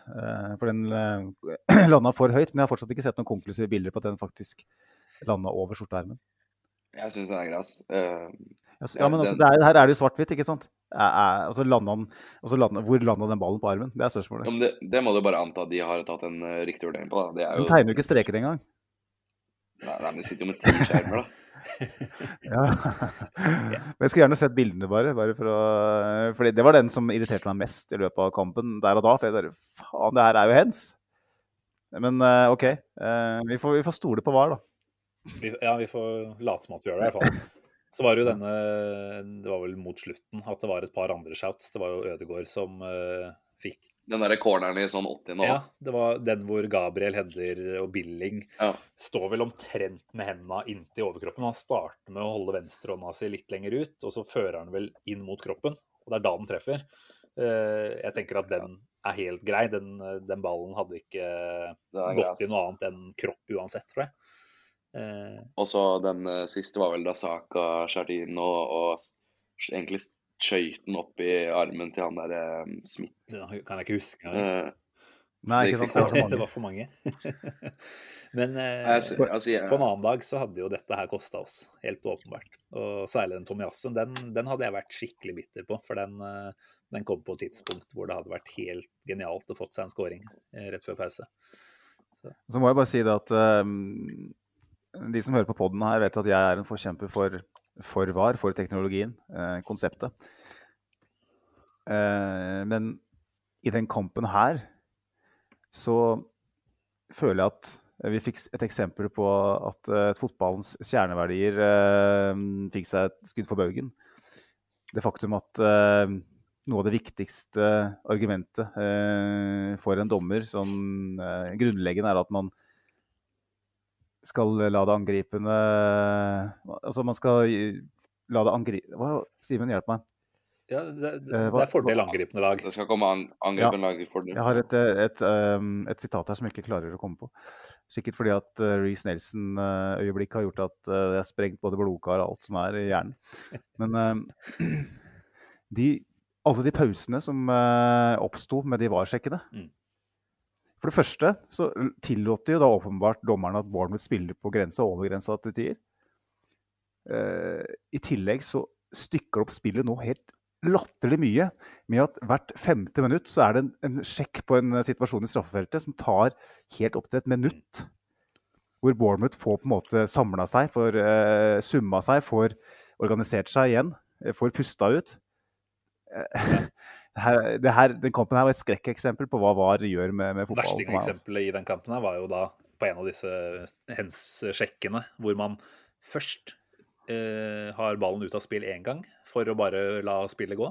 Eh, så blir det et innkast noen sekunder seinere, og da har dommeren fått beskjed om at nei, denne skal vi se litt på, så bare stopp et halvt minutt. Dere. Og så kommer jo kontrabeskjed om at nei, nei, det er ikke noe straffe her heller. Det er, eh, det er, en lang vei å gå før VAR blir brukt optimalt. Det er det ikke noe tvil om. Spørsmålet mitt er Nå sitter det en gjeng med susemikler i den bussen eh, som har én oppgave. Det er å tegne streker og se på tolv skjermer.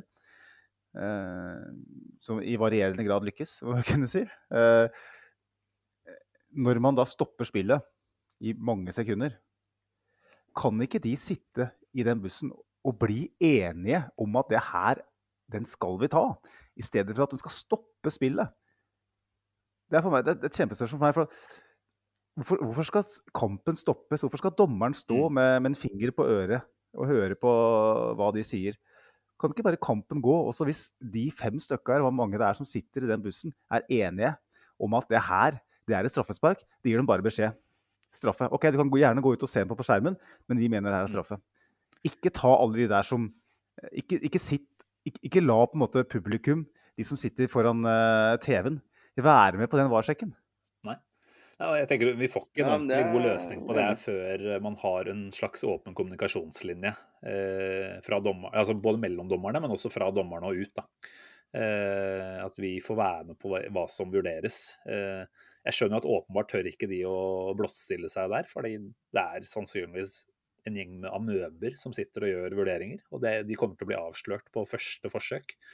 Så, så det, det, tør de ikke. Men eh, hadde du fått på plass noe sånt, eh, og som du skisserer her, altså et, et eh, VAR-dommerteam som på mange måter er eh, likestilte i det å ta avgjørelser som dommer på banen, og de vurderingene blir kommunisert ut, da, da kan du i hvert fall få det mye mer effektivt. Mm. Det tror jeg er et viktig poeng, og jeg, er kjempelei det der argumentet om at du fjerner autoriteten for dommeren. Liksom. Det her er jo kolleger. Det er folk som lever av å dømme fotballkamper. Ja, Annenhver kamp så dømmer de vel på VAR. Hvis det er en klar og åpenbar, klar og åpenbar uh, situasjon, så ligger det i, i, det begrepet, klar og åpenbar, at dem må jo være enig. Så For meg så er det helt galskap at, man skal, at man, dommeren skal stoppe kampen i ett minutt for at den skal sitte og se på noen skjermer. Det kan de gjøre mens kampen pågår. Det er fem stykker som sitter der. Vær så snill, da. Det er så sykt. Altså, hva er det skattepengene våre går til? Altså, åpenbart ikke skattepenger, men uh, en del av dette gildet som vi er med å betale for, det, det ender jo opp i lomma på disse dommerne også. Uh, og det er ganske sjukt å tenke på at uh, per kamp da, så er det vel ni dommere i hvert fall da, totalt sett som er på jobb. Med VAR og mm. assistenter og sånt. Det er, det er mye penger bortkasta. Det er skremmende. Eh, men Sivert, vi får eh, jobbe oss videre her. Eh, det tar sin tid, vet du. Det gjør det. Skal vi se, hvor langt har vi kommet? Vi tar 0-2-skåringa fort og gærent. Vi er vel på cornerskåringa nå. Ja, jeg nevnte det så vidt her i stad. Party sover litt i timen. Følger ikke Er det Senesi som løper fram? Det er faen meg Bournemouth sin første og eneste corner i kampen. Arsenal har jo til sammenligning 17 eller 18 i løpet av hele kampen her defensive dødballer, som jo har vært en styrke for Arsenal i lang tid, eh, begynner vi å se en ganske sterk negativ utvikling på nå de siste ukene. Hva, hva kommer det av? Nei, jeg har vært litt uh, har vært litt uheldig der ved flere anledninger nå, så helt ærlig, jeg vet ikke helt hva det kommer av. jeg satt til mine um, kamerater og er sånn på null igjen, da. At herregud, vi skal jo ha 15-20 25 corner i den kampen her, så det er jo klart at vi kommer til å putte på en av de. Og det gjorde vi jo for så vidt. Ja, to av de, for så vidt. Ja, ja. ja. Så, så det, den er grei på en måte. Men nei, helt ærlig, det er jo bare sånn her freakish sånn her altså sånn, Den er perfekt slått, og han får revet seg løs, liksom. Det skjer i fotball. Jeg, jeg er helt ærlig, jeg tror ikke det er noe dypere enn det. Men det er for enkelt. Altså, uh, ja. Han river seg ikke løs, ja, så det er jo ikke noe sperretrekk foran Party heller. Så Altså, vi elsker Party som fotballspiller, og han gjør veldig mye bra. Men uh, i den kampen her så er det flere eksempler på at han sover litt i timen. Og det, det syns jeg jo definitivt han gjør på, på 0-2 her. Så det er skuffende. Og han veit det sikkert godt sjøl, og får håpe at de, de, våkner opp på defensive dødballer igjen snart nå. Jeg har ikke råd til disse ja, her altså, i innspurten. Nei, det er akkurat det. Så gjerne gjør oss ferdig med det nå mens poengene fortsetter å renne inn, som f.eks.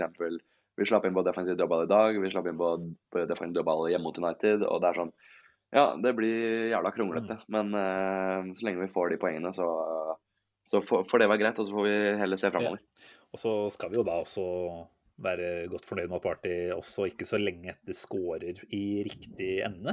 Uh, Smith-Roe, som eh, tar hånd om nedfallsfrukten. Det blir på en måte ikke en direkteskåring fra corner, men andrebølgen, eh, der er vi gode. Eh, Smith-Roe som header ballen inn igjen, og Party via keeper setter den inn. Eh, da er game on. Så kommer jo dagens mann da, innpå ikke så veldig lenge etter, Reece Nelson, som jeg skal være helt ærlig og si at jeg ikke hadde egentlig fått med at var i troppen engang. Jeg vet ikke om jeg bare så litt for fort jeg, på oppstilling og, og tropp, men uh, jeg ensa han liksom ikke engang.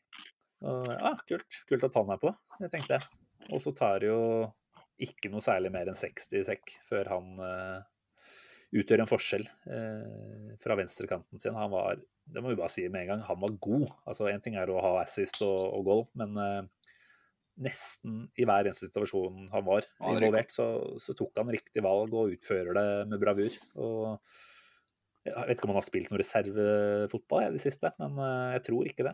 Og rett inn da fra kulda, må man nesten kunne si, når han ikke har vært involvert i de siste kamptroppene til tross for å være skadefri. Det er uh, mektig imponerende. Uh, får lagt den ballen i en deilig bu over til Ben White, som får sin første Arsenal-skåring. Den har vi venta på. Du er jo Blanco-fan, Sivert, så du får ta den også. Jeg er Benny Blanco-fan, og det er, det er, ingen tvil om. Det er en av mine absolutte favoritter. Og det må jeg bare si, eh, her skal jeg kreditere Arteta på at eh, han tenker eh, Jeg leste en tweet som det sto sånn Han tenker ikke på nødvendigvis spillerne og åssen de føler seg, og han skal vinne. Han ser til pause at her er også litt sløv. Ben White er et hakk opp. Få på han allerede til pause. Smith-Roe blir bytta inn blir bytta ut. Mm. Alltid tenke på og, hvilke, hvilken eh, sjakkbrikke kan jeg flytte for å vinne kampen. Og det har vi ikke sett så mye av tidligere i Arsenal. Så f.eks. at uh, Tomiyasu starter, og så blir han hooked i pause. Det, mange ville tenkt at å, nå knuser vi, knuser vi det lille han hadde gående, liksom. Nå blir han helt grande. Men helt ærlig, jeg tror den, ja, men jeg tror den troppen her er så på en måte eh, sammensveisa. At eh, gutta skjønner at eh, Benny Blanco er eh, han, han, kan komme til å løfte oss hjem. Og at han fikk goalen sin, var jo helt eh, fantastisk. Deilig, deilig. Altså, Jeg syns du har veldig godt poeng der. Jeg tror det sier veldig mye om hva slags jobb Arteta gjør uh, hele tida på treningsfeltet. Og hvor mye fokus han har på kommunikasjon med spillerne. Når han veit at han kan gjøre dette her uten å få sure miner fra noen. Altså, vi kan jo bare skru klokka tilbake til en Ødsel liksom, som ble behandla på den måten her noen ganger, og ikke var i nærheten av å takle det. En Aubameyang som etter hvert fikk den type behandling når han ikke var helt på, på topp. Eh, men dette her er en gjeng som du sier, som er sammensveisa som få. Da. Og det har Arteta igjen all ære for. At eh, han kan skal vi si, behandle spillere på den måten her og komme unna med det, sier også om veldig mye om hvordan han behandler de eh, i det daglige. Da. Dette er eh, Artetas gutter, og de skjønner at det er ikke noe personlig. Det er rett og slett fordi laget trenger noe annet akkurat nå. Ja. og, altså, Reece Nelson eh, hevder jo ikke på noen øyenbryn i Nederland eller eh, på de utlånene. Sånn, jeg vet ikke helt hvor han kom fra engang. Men eh, han viser seg jo et eller annet verdig, da. Og Arteta står jo og svarer bra for seg i etterkant og er sånn herre Ja, altså, han har ikke vært med de siste troppene av sportslige grunner. Helt, helt seriøst, han har ikke vært bra nok. Så at han da kan komme inn her og, og være dritgod, det er jo Hva skal man si, ja? Hva skal man si? Det er jo så uventa. Ja, det er det. Men altså, Benny Blanco, da, første skåringa. Eh, jeg må jo si at jeg er litt lei meg for at ikke han fikk matchvinnerskåringa. Eh, for jeg hadde liksom Jeg venta på å se Ben White klikke i vinkel etter å ha golla. Eh, og han tok jo for så vidt sånn greit da, men det var, det var litt hastverk med å komme seg tilbake igjen til avspark, da, og det er jo forståelig. Men eh, så at det her var noe han, han koste seg med. Kjipt for Party også at han skåra, men ikke fikk en sånn avgjørende skåring så han kunne vise hva han hadde under drakta der. Jeg så han. Han, Ja, du prøvde. så han tenkte tanken. Ja, han eh, dro den litt opp, men så var han sånn Nei, det blir jo for dumt nå på eh, 2-1. Men han hadde jo sånn derre Christian Atsu Atsu-hyllest, eh, så det hadde jo vært veldig, veldig fint. Veldig. Jeg vet ikke om vi noen gang sa 'hvil i fred' til Christian i sånn live på poden her. Eh, trist eh, fortsatt. Jeg må jo si at vi har nevnt han ene broren min, som jeg nevner han andre òg, Håkon. Eh, som jo har hatt Atsu som favorittspiller i mange år, og er Newcastle-supporter i tillegg. Ja. Eh, så det har vært Oi. eh, veldig trist eh, stemning sånn sett. Eh, begynte jeg etter hvert å akseptere at han sannsynligvis ikke hadde kommet heldig fra dette her, da. Men den, var blytung. Dessverre. Eh, Sånn er det. Eh, det var jo eh, deilig at det var nettopp Benny Blanco som satte den på en Neto som prøvde å redde den. Eh, det var jo et slag der, var det ikke da? Fra, fra Neto på, på Ben White på, på en corner. Det, ja.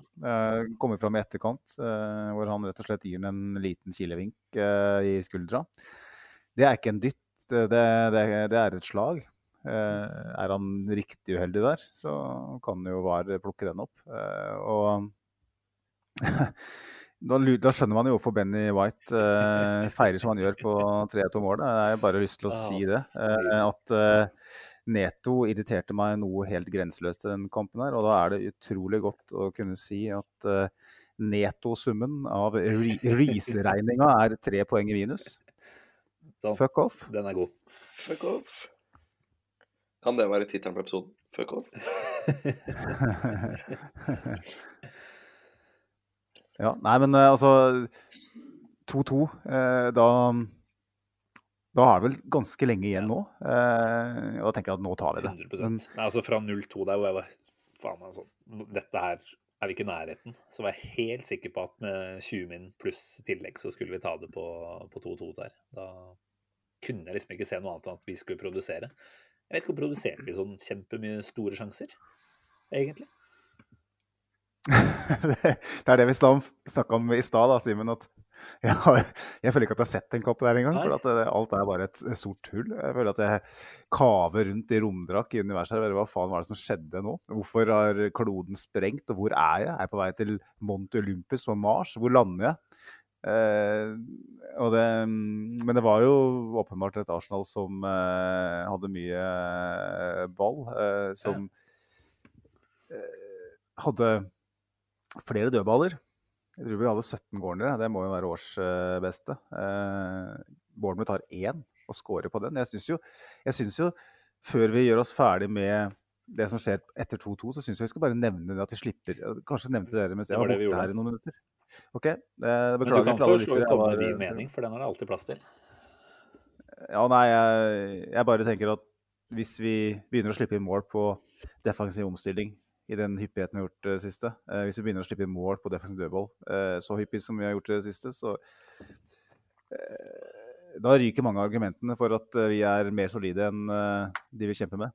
Eh, så det har jeg lyst til å si. Men eh, vi får se hvordan det utvikler seg. Eh, da, da ble det her bare en eh, en tilføyelse, en anekdote på det som ble sagt tidligere. Men eh, jeg husker ikke, Simen, om, om det var noen flere store sjanser på 2-2. Jeg bare vet at vi La oss drite i det, og så hopper vi videre til eh, det som skjer på langt ute i overtida, da. Det er jo det, det, er jo det vi er her for i dag. Er enig. Er enig. Altså, først og fremst eh, Jeg vet, skal ikke hylle det, så det var flere som liksom var ute på Twitter altså åpenbart mange som er ute på Twitter fra andre lag og sier at ah, målet kommer eh, ett minutt etter at overtida er ute. Altså, Da har man jo åpenbart ikke fått med seg at en eller annen Bournemouth-spiller lå, lå nede et minutt ikke sant, rett etter at uh, 90 var passert. Så det ene Mm. minuttet er jo helt åpenbart. og det sier jo igjen litt da, at vi liksom nå sitter og tenker ah, så fint at dommer ikke blåste av tidligere. For jeg satt egentlig og venta på siste pipa der eh, i hvert fall to ganger. Eh, hvor jeg tenkte at OK, nå er vi ferdig. Eh, for det er jo vi vant til, at dommere nesten ikke legger til mer enn absolutt minimum. Eh, her var det faktisk det ekstra minuttet. og alle har sett bildene av Arteta sine sju fingre som kommer opp eh, når han snakker med assistentdommeren der. Hvor mange minutter er det de skal ha med. Så da fikk han de sju minuttene sine. Han fikk jo nesten åtte, faktisk òg. Var det ikke seks, da? Ja, det var seks, eh, men han fikk, fikk jo sju. eh, sånn ja, sånn, ja. ja okay. Ja, okay. Så ble det jo faktisk åtte, da, med tanke på at man fikk litt eh, greier etter skåringa. Men eh, altså, hvor skal, vi, hvor skal vi starte med det målet her? Uh, Reece Nelson, eh, litt sånn i samme måte som Smith-Rose, blir stående veldig alene med å få plukke nedfallsfrukten eh, når en Bournemouth-spiller får, får toucha han ut. Men bare hylle eh, hvor kjølig Nelson er i den situasjonen der. For eh, jeg venter jo bare på at den ballen skal smelle langt i helvete over. Eh, feil fot. eh, må jo være mye tanker som går gjennom hodet hans. At dette er siste spark på ballen, rett og slett, i kampen.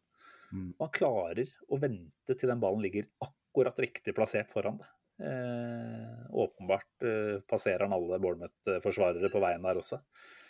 Ja, ja bare, var bare som en lukke sånn øya igjen og, og skru klokka tilbake til introen og ta den der Titanic-sangen idet ballen eh, turer opp mot, eh, mot hjørnet der. Det er, det er det beste øyeblikket jeg kan huske, altså. Ja, det var Jeg mista det helt. Rødgardina gikk jo helt ned hos meg. Og... og det, er så, det er så Du ser øya di bare falle og bare legger seg ned og bare Ja. Ja, han eh, er jo helt tom.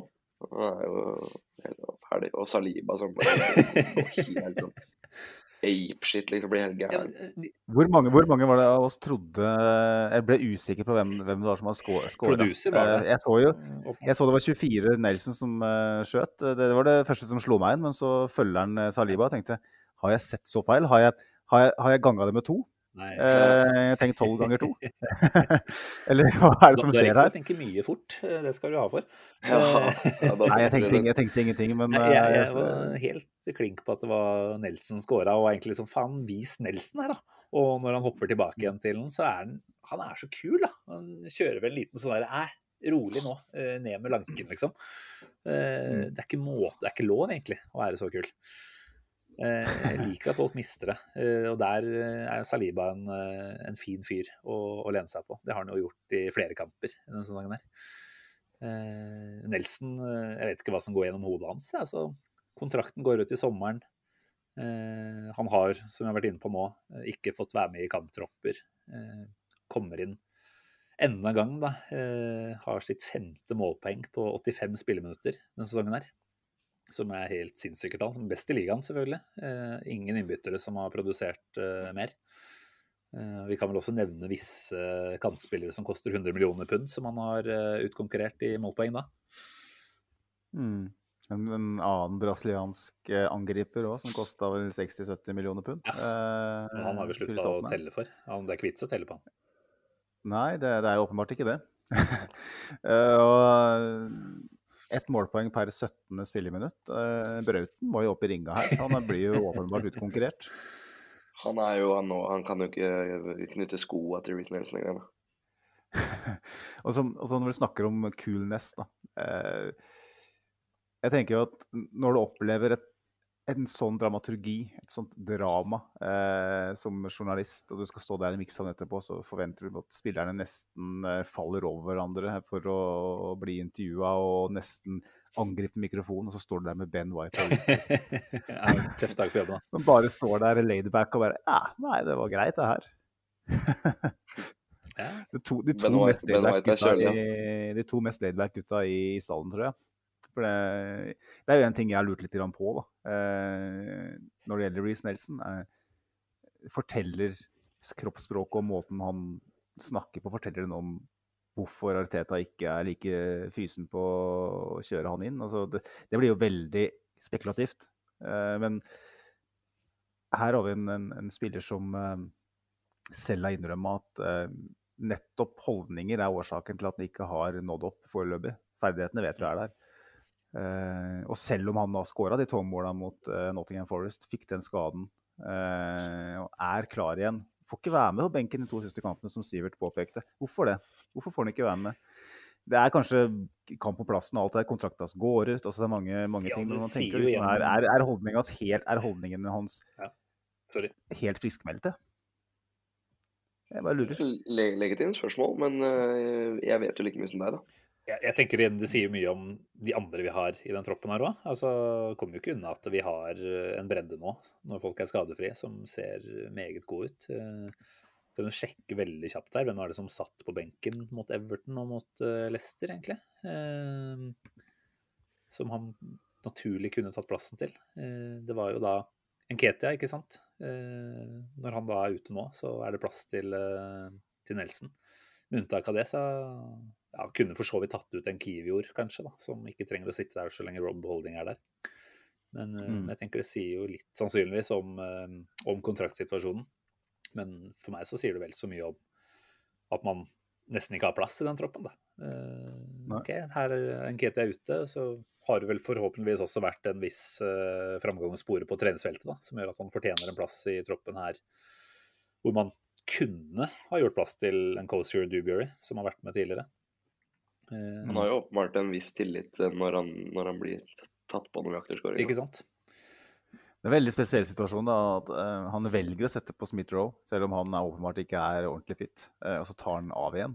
Uh, det er jo en litt spesiell situasjon, og det, jeg tenker jo at det forteller meg at Arteta ikke egentlig trodde at Reece Nelson kom til å være den som, som kom til å, å dukke opp med den skåringa, men at han tenker at nå ser Smith-Roe sliten ut. Han, ser, han ser ikke ut som han er fit, så han kommer ikke til å klare Så å visste de fullføre. jo sannsynligvis også at de vi kan ikke holde Smith-Roe på banen resten av kampen, fordi da er sjansen for at han uh, plukker opp noe veldig stor.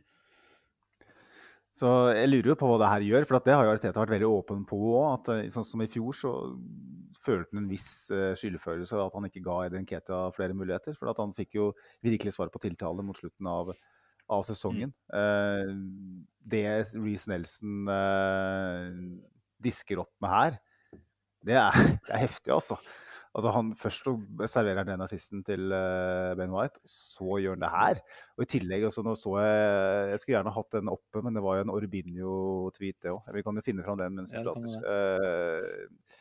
prater. Uh, Altså, tallene hans sånn for øvrig, etter han kommer på, det, er- det er Ja, ikke sant? han, han er jo god uh, i alle deler av spillet hvor han er involvert i. Da. Uh, Ja. Og Er du gæren? altså, vi, jo vi sa jo litt av det samme her etter den Forest-kampen hvor han fikk et innhopp og produserte, at er dette et øyeblikk som gjør at man gir han en ny sjanse da, i Arsenal. Eh, nå må han jo selvfølgelig backe opp dette her med noe framover også. Så med europaligaspill nå, så kan han jo helt sikkert være garantert en del spilletid de neste ukene. Så nå, nå tenker jeg den ballen ligger hos han. Ja, Ja, det er definitivt. litt, det er litt, det er litt kult, eh, for han er jo Altså, folk visste hvem han var før Saka, for å si det sånn. Mm. Han har alltid han har vært eh, rangert som en av de aller store. Så folk har jo ulike på en måte, eh, karrierekurver og når de piker og sånn. Så at det, det, han, det kan jo være en klassespiller, det, som bare kom litt seinere. Jeg husker Det- Simen. Altså, når han eh, eh, slo igjennom, for å kalle det det, eller ikke slo igjennom, men når han på en måte virkelig gjorde oss oppmerksom på hans tilværelse, var jo i preseason i 2016, tror jeg. Eh, Singapore, han spilte Der var han god. Ja. Mm. Og da var det sånn at da var jo han eh, Selalem, eh, Saka altså De spillerne vi har sett i, i preseason og tenkt at wow, eh, det her er jo garantert uh, førstelagskvalitet. Selalem var på et dårlig eksempel, for så at han, han lyktes jo ikke. Men det er noen, enkel, det er noen preseason vi husker nesten bare pga. en én enkelt unggutt. Mm. Uh, og det er Jeg husker den preseason nesten kun på bakgrunn av, av Reece Nelson. Uh, at han har ferdighetene til å lykkes her, det, det, er, det er ikke tvil om i det hele tatt. Spørsmålet er bare igjen eh, er han for sent ute. Har, har han de rette eh, holdningene? Har han tatt godt nok vare på talentet sitt så langt? Er det mulig for noe Hva skal jeg si? Å ta, den, ta det steget fra den situasjonen han er i nå? Fin, fant du de tallene fra Orbinio, eller? Nei, jeg leter febrilsk. Eh, Vi har jo noen flere lytterinnspill. Kanskje ta med de før vi nærmer oss to timer her. Eh, Jeg vet ikke om man skal tillate seg å være, være kritisk. Det må man jo kanskje ha plass til. Eh, Sindre Bakke Eliassen på Twitter spør eh, hva tilfører Vieira dette laget her? Altså Ikke for å undergrave hvor glad han er, som han påpeker, men forventer en del mer av han når han skal starte hjemme mot Bournemouth. Hva tenker dere? Hva tenker vi om Vieira etter den kampen her? En mulighet til å skinne eh, mot et eh, lavtliggende Bournemouth. Eh, Lot vi oss imponere? Skal jeg være ærlig, så syns jeg han var, eh, var litt frisk, jeg. syns det var, var bra, bra uten ball. eh, Og eh, nei, jeg, så han ofte plukke av de andre ballene. og jeg synes, jeg, altså, Hva er det du forventer? Skal, skal du som talent i Portugal eh, gå rett inn og storspille på laget som vinner Premier League? da? Ikke sant? Altså, du må jo, må jo vite litt hva du får, da. Men eh, nei, ja, altså, jeg har ikke avskrevet uh, Fabio Vera. Altså. Du ser jo noen detaljer, uh, spesielt tidlig i matchen. Uh, offensivt, hvor eh, måten han tar vare på ballen, rett og slett, eh, i, trengende trenge situasjoner. Også han, han setter jo opp uh, Sinchenko, Martinelli et Mm. par ganger der, hvor han er, det er veldig små flater, det er veldig dårlig tid. Og han klarer ikke bare å eh, ha kontroll på ballen selv, men han klarer å spille den gjennom ledd bare ved å tre seg gjennom og, og møte ballen på andre sida, for å si det enkelt. Altså, han er, du ser jo at råmaterialet er der, men han, han klarte på en måte ikke å eh, Hva skal jeg si Å være eh, den nøkkelen vi ønska han skulle være. Da. For du setter ut Sjaka, og du ofrer utrolig mye i eh, andre faser av spillet. Eh, og du forventer nesten at her kommer det inn en sånn endeproduktmaskin. Eh, og han var vel egentlig ikke i nærheten av å, å være det i den kampen her. Og da, da kan du si at han tok kanskje ikke godt nok vare på den muligheten. Men hvor mange starter har han eh, fyren her i, i Premier League? Han må jo få, han må jo få den matchinga for å kunne vise oss. For meg så jeg er ikke noe mer bekymra for han etter den kampen her eh, enn jeg var Vi snakker jo ofte om den usynlige jobben, kanskje særlig det defensive arbeidet. Da. Eh, Jeg tenker jo den offensive, usynlige jobben eh, er jo vel så viktig. Eh, Og ja, han fungerer, eller gjør at laget kanskje fungerer på en litt annen måte enn Sjaka, som han er vant til eh, for den gjengen her. Men at han altså, bidrar jo sterkt i at vi resirkulerer ballen. Eh, Vi har over 80% ballbesittelse totalt sett. Eh, Uten at jeg har sett på tallene til eh, Fabio Vera, så vil jeg jo tippe at han hadde godt med touch, han også, som absolutt alle sikkert hadde. Jeg vet ikke helt, altså De der øyeblikkene fikk vi jo ikke i den kampen her. Og nå har vi jo hatt et par av de, særlig mot Brentford, som alle husker. Og forventa jo sånn sett kanskje noe mer, men, men jeg tror den derre litt sånn usynlige playmaker-rollen som han er med og bidrar til, den, eh, den skal vi ikke undervurdere. Eh, Og selvfølgelig, vi snakker om at vi har marginer og alt det her, men vi, vi sliter jo Bournemouth stadig mer ut i den kampen her. Eh, og han bidrar til det. Så tenker at Det er jo ting Martin Ødegaard heller ikke får nok eh, kreditt for, i kamper hvor han kanskje ikke fremstår som den eneren. Eh, så er det her ting Martin Ødegaard gjør i hver eneste kamp som vi ikke setter nok pris på. Eh, det, gjør, det gjør også Fabio Eira, så det er et veldig godt eh, poeng, Simen. Skal vi se, er det noe mer spørsmål å ta seg eh, litt tid til her, eller? Magnus, har du sett Vi har, lov, vi har, vi har lova noen Nelson-tall, da. nå finner vi dem nå. Bare for å ta det. Nå 100 treff på pasninger. 100 treff på skudd, åpenbart. 100 altså han har treff, han, eh, nå jeg, har jeg ikke tallene på hvor mange, men han, eh, han har 100 eh, suksessrate på driblinger. 23 touch, 5 innlegg, 2 sjanser skapt, 2 skudd på mål, 1 mål, 1 assist. Det er ganske solid. Noen og 20 minutter Det er spiller monster, ass. På, på 25 min, liksom. Og tidenes øyeblikk, eh, ikke minst. Nei, Jeg vet ikke hvor han plukka det fra, ass, men eh, et, et eller annet eh, tok han opp fra hatten og er evig takknemlig, ass. Oh, ja. Skal vi se. Eh, jeg tok Jo, jeg har, jeg har noen spørsmål her. Skal vi se om vi kan ta med iallfall ett av dem. Kanskje to til og med, hvis vi rekker. Vi har et fra godeste Sleivdal, hvor Kjære karikerer, vi kaller det det. Eh, han eh, skriver er det, er det i år vi må gjøre det. Chelsea og Liverpool deltar ikke denne sesongen her. United eh, Scum, det er vel Ja, det er United. Scum spilte seg selv på etterskudd i august. Spurs har selvsagt spørsa det til. Vi har flyten, selv til tross for ubegripelig VAR-motstand. Neste sesong blir andre boller. Mm. Simen, hva tenker du? Vi hadde vel en liten prat, eller jeg var i hvert fall så vidt innom og sa noe om det i den chatten vi har her tidligere i uka. Eh, man vet jo aldri hvordan marginer eh, ender opp med å enten spille til vår favør eller disfavør totalt sett. Eh, men er det én ting jeg er ganske trygg på med den gjengen her, som er åpenbart da ligaens nest yngste, yngste treneren på en fantastisk medgangsbølge, så er det at vi ikke har en fluksesong som det Leicester hadde. Eh, Dette er en gjeng som kommer til å forbedre seg de neste mest sannsynlig fire-fem årene. Så, så fremt man ikke går møkk lei Arteta, og at han sliter mye mer på omgivelsene enn det vi tror nå. Da. Eh, Så jeg ser ingen grunn til at ikke Arsenal skal Altså igjen, eh, Premier League og hele det klimaet i Premier League er jo vanskelig å si hvordan det utvikler seg. Mest sannsynlig så blir jo alle de andre lagene bedre også. Eh, Men, men det er noe med den kombinasjonen vi har her av unge spillere og en trener som helt åpenbart vet hva han holder på med. For det, det synger vi om hver, hver uke, så det, det stemmer jo. Eh, Selvfølgelig kan det hende at vi vinner med ett poeng i år og kommer på andreplass eller tredjeplass med to til tre poeng bak uh, gullet neste år, og at det kan i verste fall gjenta seg også flere år etter det. Men, uh, men jeg tror ikke vi må gjøre det i år. Det tror jeg faktisk ikke. Jeg tror at uh, Pep begynner å si takk for nå, når han på et eller annet vis skal vinne det Champions League-gullet sitt.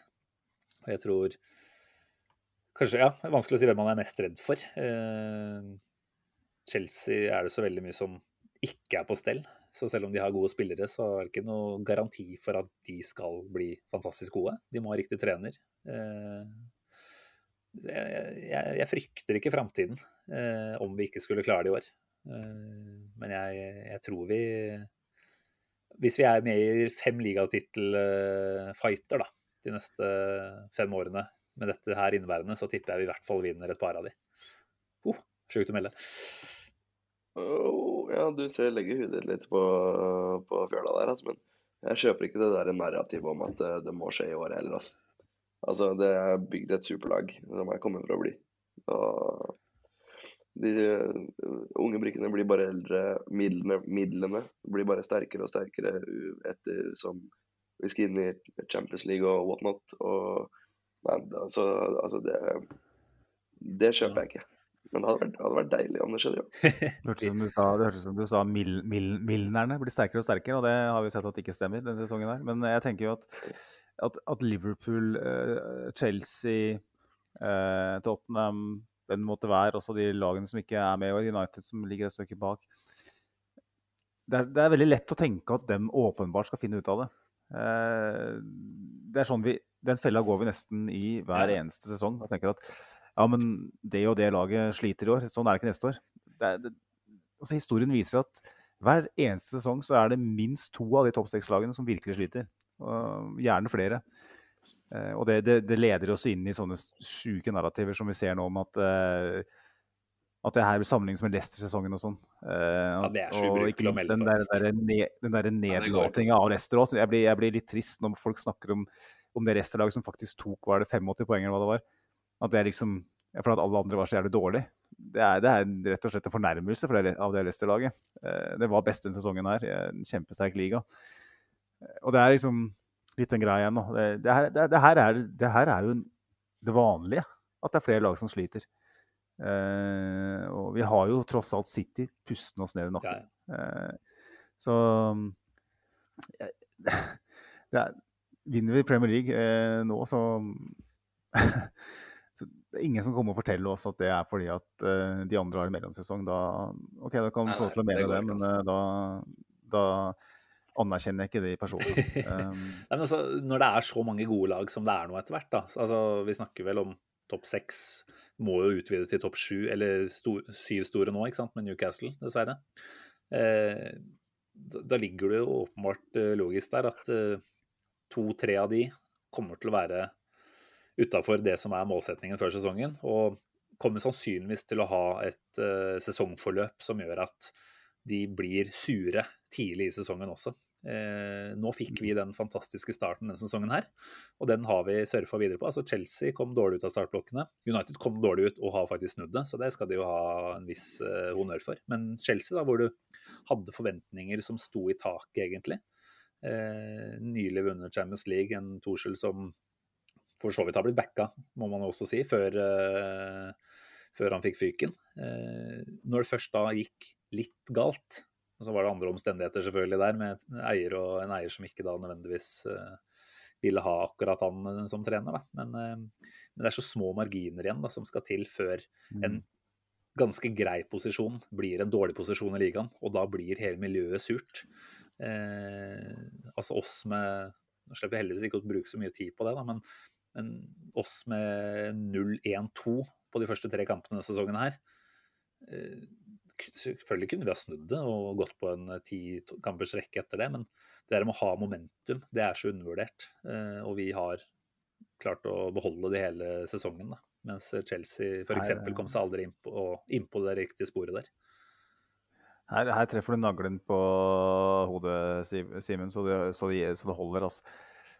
Når- kampprogrammet slippes i juni, eh, så sitter folk og sier at ja, alle skal spille mot alle. Det er 38 kamper og alt det der. Eh, Jeg husker jo når Uno Emery eh, fikk den umulige oppgaven med å ha Chelsea og City de første to. Eh, Arteta foran fjorårssesongen hadde også Chelsea og City i løpet av de første tre. Selvfølgelig har det noe å si. Eh, Vind i seilene, momentum, er en sånn greie du ikke kan måle. Derfor er det lett for såkalte eksperter å avfeie det, og heller snakke om at folk feirer for mye. Eh, og bruke tid på ting som ikke har noe rot i virkeligheten. Og det, det syns jeg er så undervurdert. da. Det kampprogrammet, det, det stemmer at alle spiller mot alle, men og det, det stemmer òg at Arsenal kun, kunne ha starta med to seire den sesongen under Emry, eller den, den sesongen under Ariteta, hatt det i marginene, eller hva det måtte si. Men tenk hvis du, som du sier da, Simen, at man ikke får den starten man gjør i år. Så havner man litt bakom et ungt lag. Så betyr det at man kanskje må kjempe om å klare topp eh, fire, ikke sant? Eh, I stedet så, så ligger vi an til å kanskje vinne ligagull. Det har så mye å si! Og det skal ikke underspilles. Så når den terminlista slippes, så, så har man på en måte en viss grunn til å føle seg litt basert på omstendighetene, føle seg litt snytt. da. Hvorfor, hvorfor skal det være så jævlig vanskelig? ikke sant? Hvorfor skal vi få de, hvorfor skal vi få alle de bortekampene i løpet av august-september? Hvorfor skulle vi få alle de bortekampene etter Europacup? Sånne ting betyr mye. Jeg husker jeg følte Ja, sorry. Sivert. Nei, jeg skulle bare si at eh, nå får vi jo Nå må vi jo snu på det. og eh, Hvis dere er som meg, så ser dere jo på terminlista at vi både Arsenal og City hver eneste dag nå. Og det er jo ingen tvil om at eh, de har et litt enklere inn- en litt enklere innmarsj enn det vi har. Så får vi se om en liten knekk i april eh, om, eh, om det viser seg at det er et korthus som eh, faller, eller om det er eh, bare en fluk, og så vinne de fire neste, f.eks. Etter du, etter du Altså, vi skal på Amfield, vi skal på Etiad. Fire poeng derfra, så har vi jo tid, da har vi jo tittelen. Ja, ja. ja selv, Ja, selv ja. to er Og det- ja, det er- der. Ja, ja. ja. Eh, ikke tap mot City Mm. er jo mitt budskap. For da er plutselig avstand to poeng. Og det, det er jo svært kritisk. Eh, en uavgjort da eh, holder ikke, for målforskjellen til City er sannsynligvis eh, bedre. Så det, vi, vi har bare ett feilskjær. Vi er ett feilskjær unna å ha kniven trøkka mot strupen. Så det her det er Huff. Eh, det kommer til å bli flere øyeblikk i kjellerstua her hvor det fyker gjenstander og hjertet hopper over flere slag. Det, jeg, jeg, gruer meg rett og slett. Det her. Uff, ja. Altså, beste tipset må jo bare være å finne seg noen å se den kampen sammen med. Eh, ikke bikkja di, i hvert fall. Det, det, blir, det, blir, liksom ikke nok. Da. Så ja, Magnus, jeg føler med deg som sitter uh, støkk på Løten. Ja, det er tungt uh, akkurat nå. Det, det er altså, altså uhell i hell, kan man kalle det det. fordi jeg er åpenbart eh, overlykkelig over at vi er i den situasjonen vi er i, men jeg er også i en situasjon på privaten hvor jeg ikke kommer meg hjemmefra. Eh, jeg har baby i hus, og jeg får liksom ikke utløp for verken frustrasjon eller glede på den måten jeg er vant til. Jeg kan ikke drukne sorger, jeg kan ikke feire triumfer. Eh, jeg sitter her for meg sjøl og skulle gjerne kontakta noen som kan lydisolere rom. Det er det eneste jeg tenker på. For at det er mange som rammes av den uh, oppførselen min. Dere kan liksom du er, du være en av mange hvis dere vil. Hæ? Du er, du, er en, du er, en, skriker. Jeg er en skriker her, det. Uh, det, er, det, er, så godt å være blant skrikere når man skriker. For da blir man på en måte overdøvd. Det er liksom som når man uh, skoleavslutninger på barneskolen, hvor man kommer unna med å mime. Og tenker at ja, men du var flink til å synge i dag. Du, du sang jo med, du så jeg. Du sto på bakerste rad der og sang med. men du, jeg, jeg mima jo faen meg hele jævla sangen hver eneste gang. Mens her, her, hjemme så kan jeg liksom ikke si at ja, men det var, det var Gjermund og Gunnar som eh, ropte nedi her. Det var ikke meg. Det er ingen andre i den kjellerstua her, så Nei, det er, det er blytungt, men uh, Altså, ilandsproblem, eller? Ja, det må vi kunne si. Men vi, vi... Et, et, et, et, valid et. Det er livsfarlig òg, da. Så det klart, uh, skal ikke underspille hvor, uh, hvor hardt det er å være hardt investert i fotballag. Slitsomt. Siste spørsmål her. Jeg tenker jeg må ha Siverts svar på det. Eh, Espen Berg på Twitter ja. Eh, som rett og slett spør er dette laget godt nok til å gå helt inn. Eh, jeg, jeg vet hva jeg vil høre. Jeg bare uh, Godt nok er det. Det er ingen tvil om. Uh, men altså, det blir jo Altså, det, altså er City-laget godt nok til å gå helt inn? Det er sånn Selvfølgelig er det godt nok, uh, men jeg tror, tror, fortsatt ikke det skjer, men, men, det er godt nok. Ja, vi snakka litt ja. om det før kampen, Magnus. Ja. at uh, Fikk vi mer eller mindre troa på ligagull etter den kampen her? Og der, der, tror jeg nok uh, det er mange supportere som er litt delte i svarene sine. da. Uh, Nei, det kan det ikke være. Fordi altså, Det svaret er, er, det fasit på. Fordi altså, det var fem okay. poeng, og nå er det fortsatt fem poeng. Men nå er det bare tolv kamper igjen for City å spise det opp på. Mm. Så altså, nå har vi et bedre utgangspunkt enn vi hadde på lørdag. Det er jo ingen, lørdag klokka to. Det er jo ingen tvil om. Altså sånn Nei, men Stivert, jeg er sterkt uenig. Jeg har uh, mindre tro på ligagull etter den kampen. her, rett og slett fordi vi viser ganske klare svakheter uh, i den kampen. her, Og vi får i tillegg skade på Trossard, som er tredjevalg på spissplass. Og vi står igjen da med igjen fjerdevalget, kanskje. I, kanskje to kamper. Uh, så for meg så var det her den enkleste kampen kanskje på, vi hadde igjen. og vi lager altså bløtkake med majones og vel så det av det. Eh, og det blir bare drama og helvete. Så er det selvfølgelig en styrke å snu det. Jeg er enig, det har vi snakka mye om, men det her, dette her var jo ikke sånn isolert sett ikke en sterk prestasjon av, av, Arsenal. Det var en sterk snuoperasjon, det var ikke en sterk prestasjon. og dette her er ikke oppskriften på å vinne ligaen sånn jevnt over. Det er kanskje styrke her i nuet at vi klarer å snu det, men Nei, jeg, jeg, jeg har kanskje fått 2% mindre tro på ligagull etter den kampen. her. Mener du det? Ja. altså, for, altså, for, meg så viser jo det bare det mentale nivået på det Arsenal-laget. Det, det, har vi visst. Det så vi på Villa Park. Jeg er ikke, jeg er ikke, jeg er ikke overraska at vi klarer å snu det her. Jeg er, eh, men jeg er utrolig glad for at vi gjør det. Jeg synes, hvis det skal være hvis vi skal være sånn, så var det jo dårlig periode mot Villa og Everton og Bournemouth. Da, da er vi jo dårlige, da. Vi er ganske, for, for ganske dårlig, mange, for dårlig, mener jeg. Altså. Vi er ganske mange hakk under uh, der vi var for noen måneder siden. Ja, det, det er jeg ikke tvil om. Vi, vi, er, ja, ikke, vi er ikke like solide som vi var i fjor høst. Vi er ikke like solide som vi var mot United, mot Tottenham, eh, mot Brighton. Uh, tøffere kamper gjerne enn det vi snakker om nå. Uh, vi har tatt noen steg tilbake, og den Bournemouth-kampen er et nytt eksempel på mm. det. Vi må Så hadde vi Leicester-kampen, som jeg syns var kjempegod, sånn med tanke på å Kontrollere. kontrollere matcher. Og så hadde vi andre gang mot Everton. Men sånn totalt sett så syns jeg vi, vi virker mer porøse defensivt. Vi, gjør, vi slipper inn mål på dødball. Vi er svakere i defensiv omstilling. Vi kladder mer på å skape store målsjanser. Eh, For meg, Vi ser svakere ut enn vi har gjort, men Men er en- karakterstyrken er det som gjør at, vi har, at jeg har en viss tro på at vi kan klare det. Så hvor mange tanker klarer man å ha i huet på en gang? ikke sant? Og Overskriften hele veien her nå er 'vi kjemper om ligagull', og da tror jeg det tar mye plass. da. Jeg tenker sånn, I Villakampen så fikk vi se en kaotisk utgave, eh, og så virka det som om det eneste som var fokus de neste dagene da, var kontroll mot Leicester i påfølgende kamp. da. Eh, Så det er jo lov å håpe på at eh, en lignende tilnærming blir brukt nå etter den kampen her. At dette her var liksom altfor mye Hawaii, da, eh, som er begrepet som har kommet seg til England, ser jeg nå. Og at man forhåpentligvis får en litt mer à la Leicester-kamp mot Fulham til helga. Det er synd at ikke det er neste kamp. At vi må liksom ha fokus på den jævla Europaligaen i mellomtida. Altså, jeg har lyst på trofé, det er ikke det, men, men ikke det trofeet akkurat nå, bare. Det blir litt sånn som Liverpool i fjor. da. Velger jo, velger jo ikke ligacupen FA-cupen, vi. Vi velger jo, velger jo Premier League eller Champions League, og da, da blir det samme greia her. Så jævla distraksjon, ass. Kan vi ikke bare kaste korta? Kjøre Gunnar Saurus på topp, som jeg snakka om før?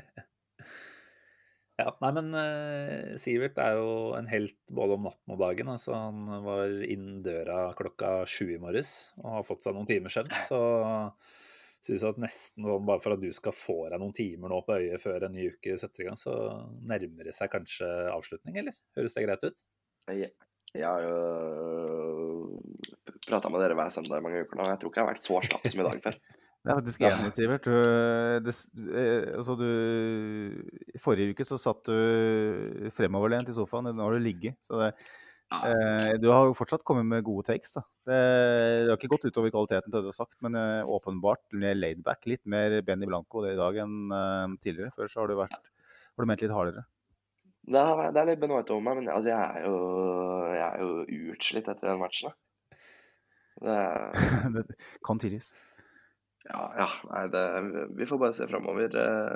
Levere en et match mot Sporting nå, men jeg har Fulham i tankene allerede. Og skal jeg være ærlig, så tror jeg spilleren har det også. Yes. Ja. Nei, men vi, Nei, men, vi eh, runder av her, da. Rett og slett. Vi kaller, vi kaller det en dag. God kveld. Eh, skal du oppfordre om Twitter på slutten her, Sivert? Du er flink på det. Ja, Pod Arsenal og Magic Johnsen 99. Du har nok følgere, så du trenger ikke flere. Nei, men jeg skriver så mye. piss. Det er derfor det er mange følgere. Jeg Du, du melder litt hardere. Eh, de, som, de som vandrer rundt grøtfatet, får ikke så mange følgere. Eh, det, jeg tvitrer ikke fra min egen konto lenger i det hele tatt, eh, stort sett. Bare hvis jeg er skikkelig sint. Så Ja, jeg, jeg sier det jeg vil si, jeg. Og det ja.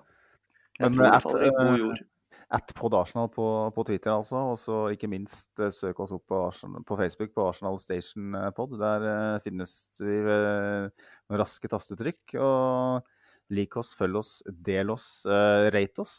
Uh, det må være oppfordringen. Gi oss gjerne en femstjerners rating på Spotify eller den andre podkastappen du bruker.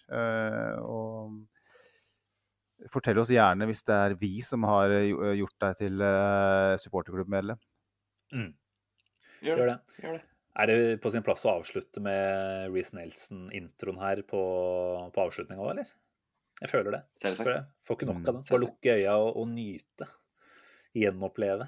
Og dessverre se at en ny uke venter med jobb og, og slit. Men uh, Er ikke den henta fra Titanic, den uh, jo, låta definitivt. som du hadde? Passer jo ikke helt, Det er jo litt skummelt å bruke Titanic som eh, når vi snakker om gullkamp her, da. Det isfjellet, det, det nærmer seg kanskje. Det, det blåser eh, Det ser ikke så bra ut nå, da. Det gjør ikke det. Samtidig så sier 'my heart eh, will go on', og det er for meg en trøst. For det er ikke en selvfølge sånn som det foregår her eh, i kjellerstua.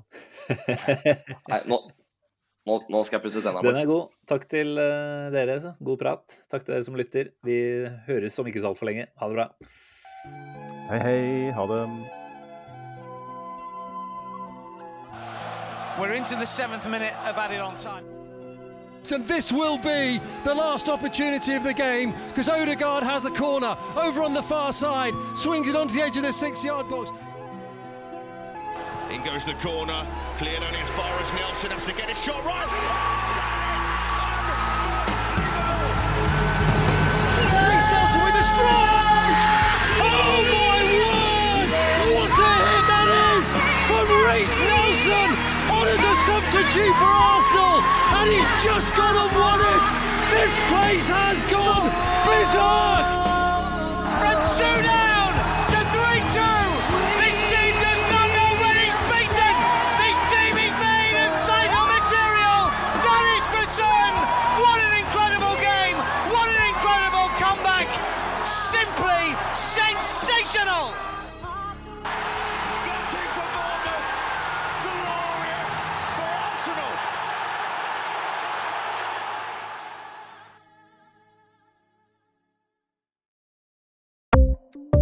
Ukens annonsør er HelloFresh. HelloFresh er verdens ledende matkasseleverandør og kan være redningen i en travel hverdag. Mange av oss har nok vandret i butikken både sultne og uten en plan for middagen, som ender med at vi går for de samme kjedelige rettene gang på gang. Middag burde være dagens høydepunkt. Som HelloFresh kan du nå velge mellom 25 ulike retter hver eneste uke, eller få HelloFresh til å sette sammen menyen for deg. Dette gir deg muligheten til å prøve nye og spennende retter alene eller sammen med familien. Du velger antall porsjoner og får alt levert på døren på et tidspunkt som passer for deg. Oppskriftene er enkle, og maten er lett å lage både for store og for små. Ved å få alt levert hjem får du også mer tid til å dele matgleden med familie og venner.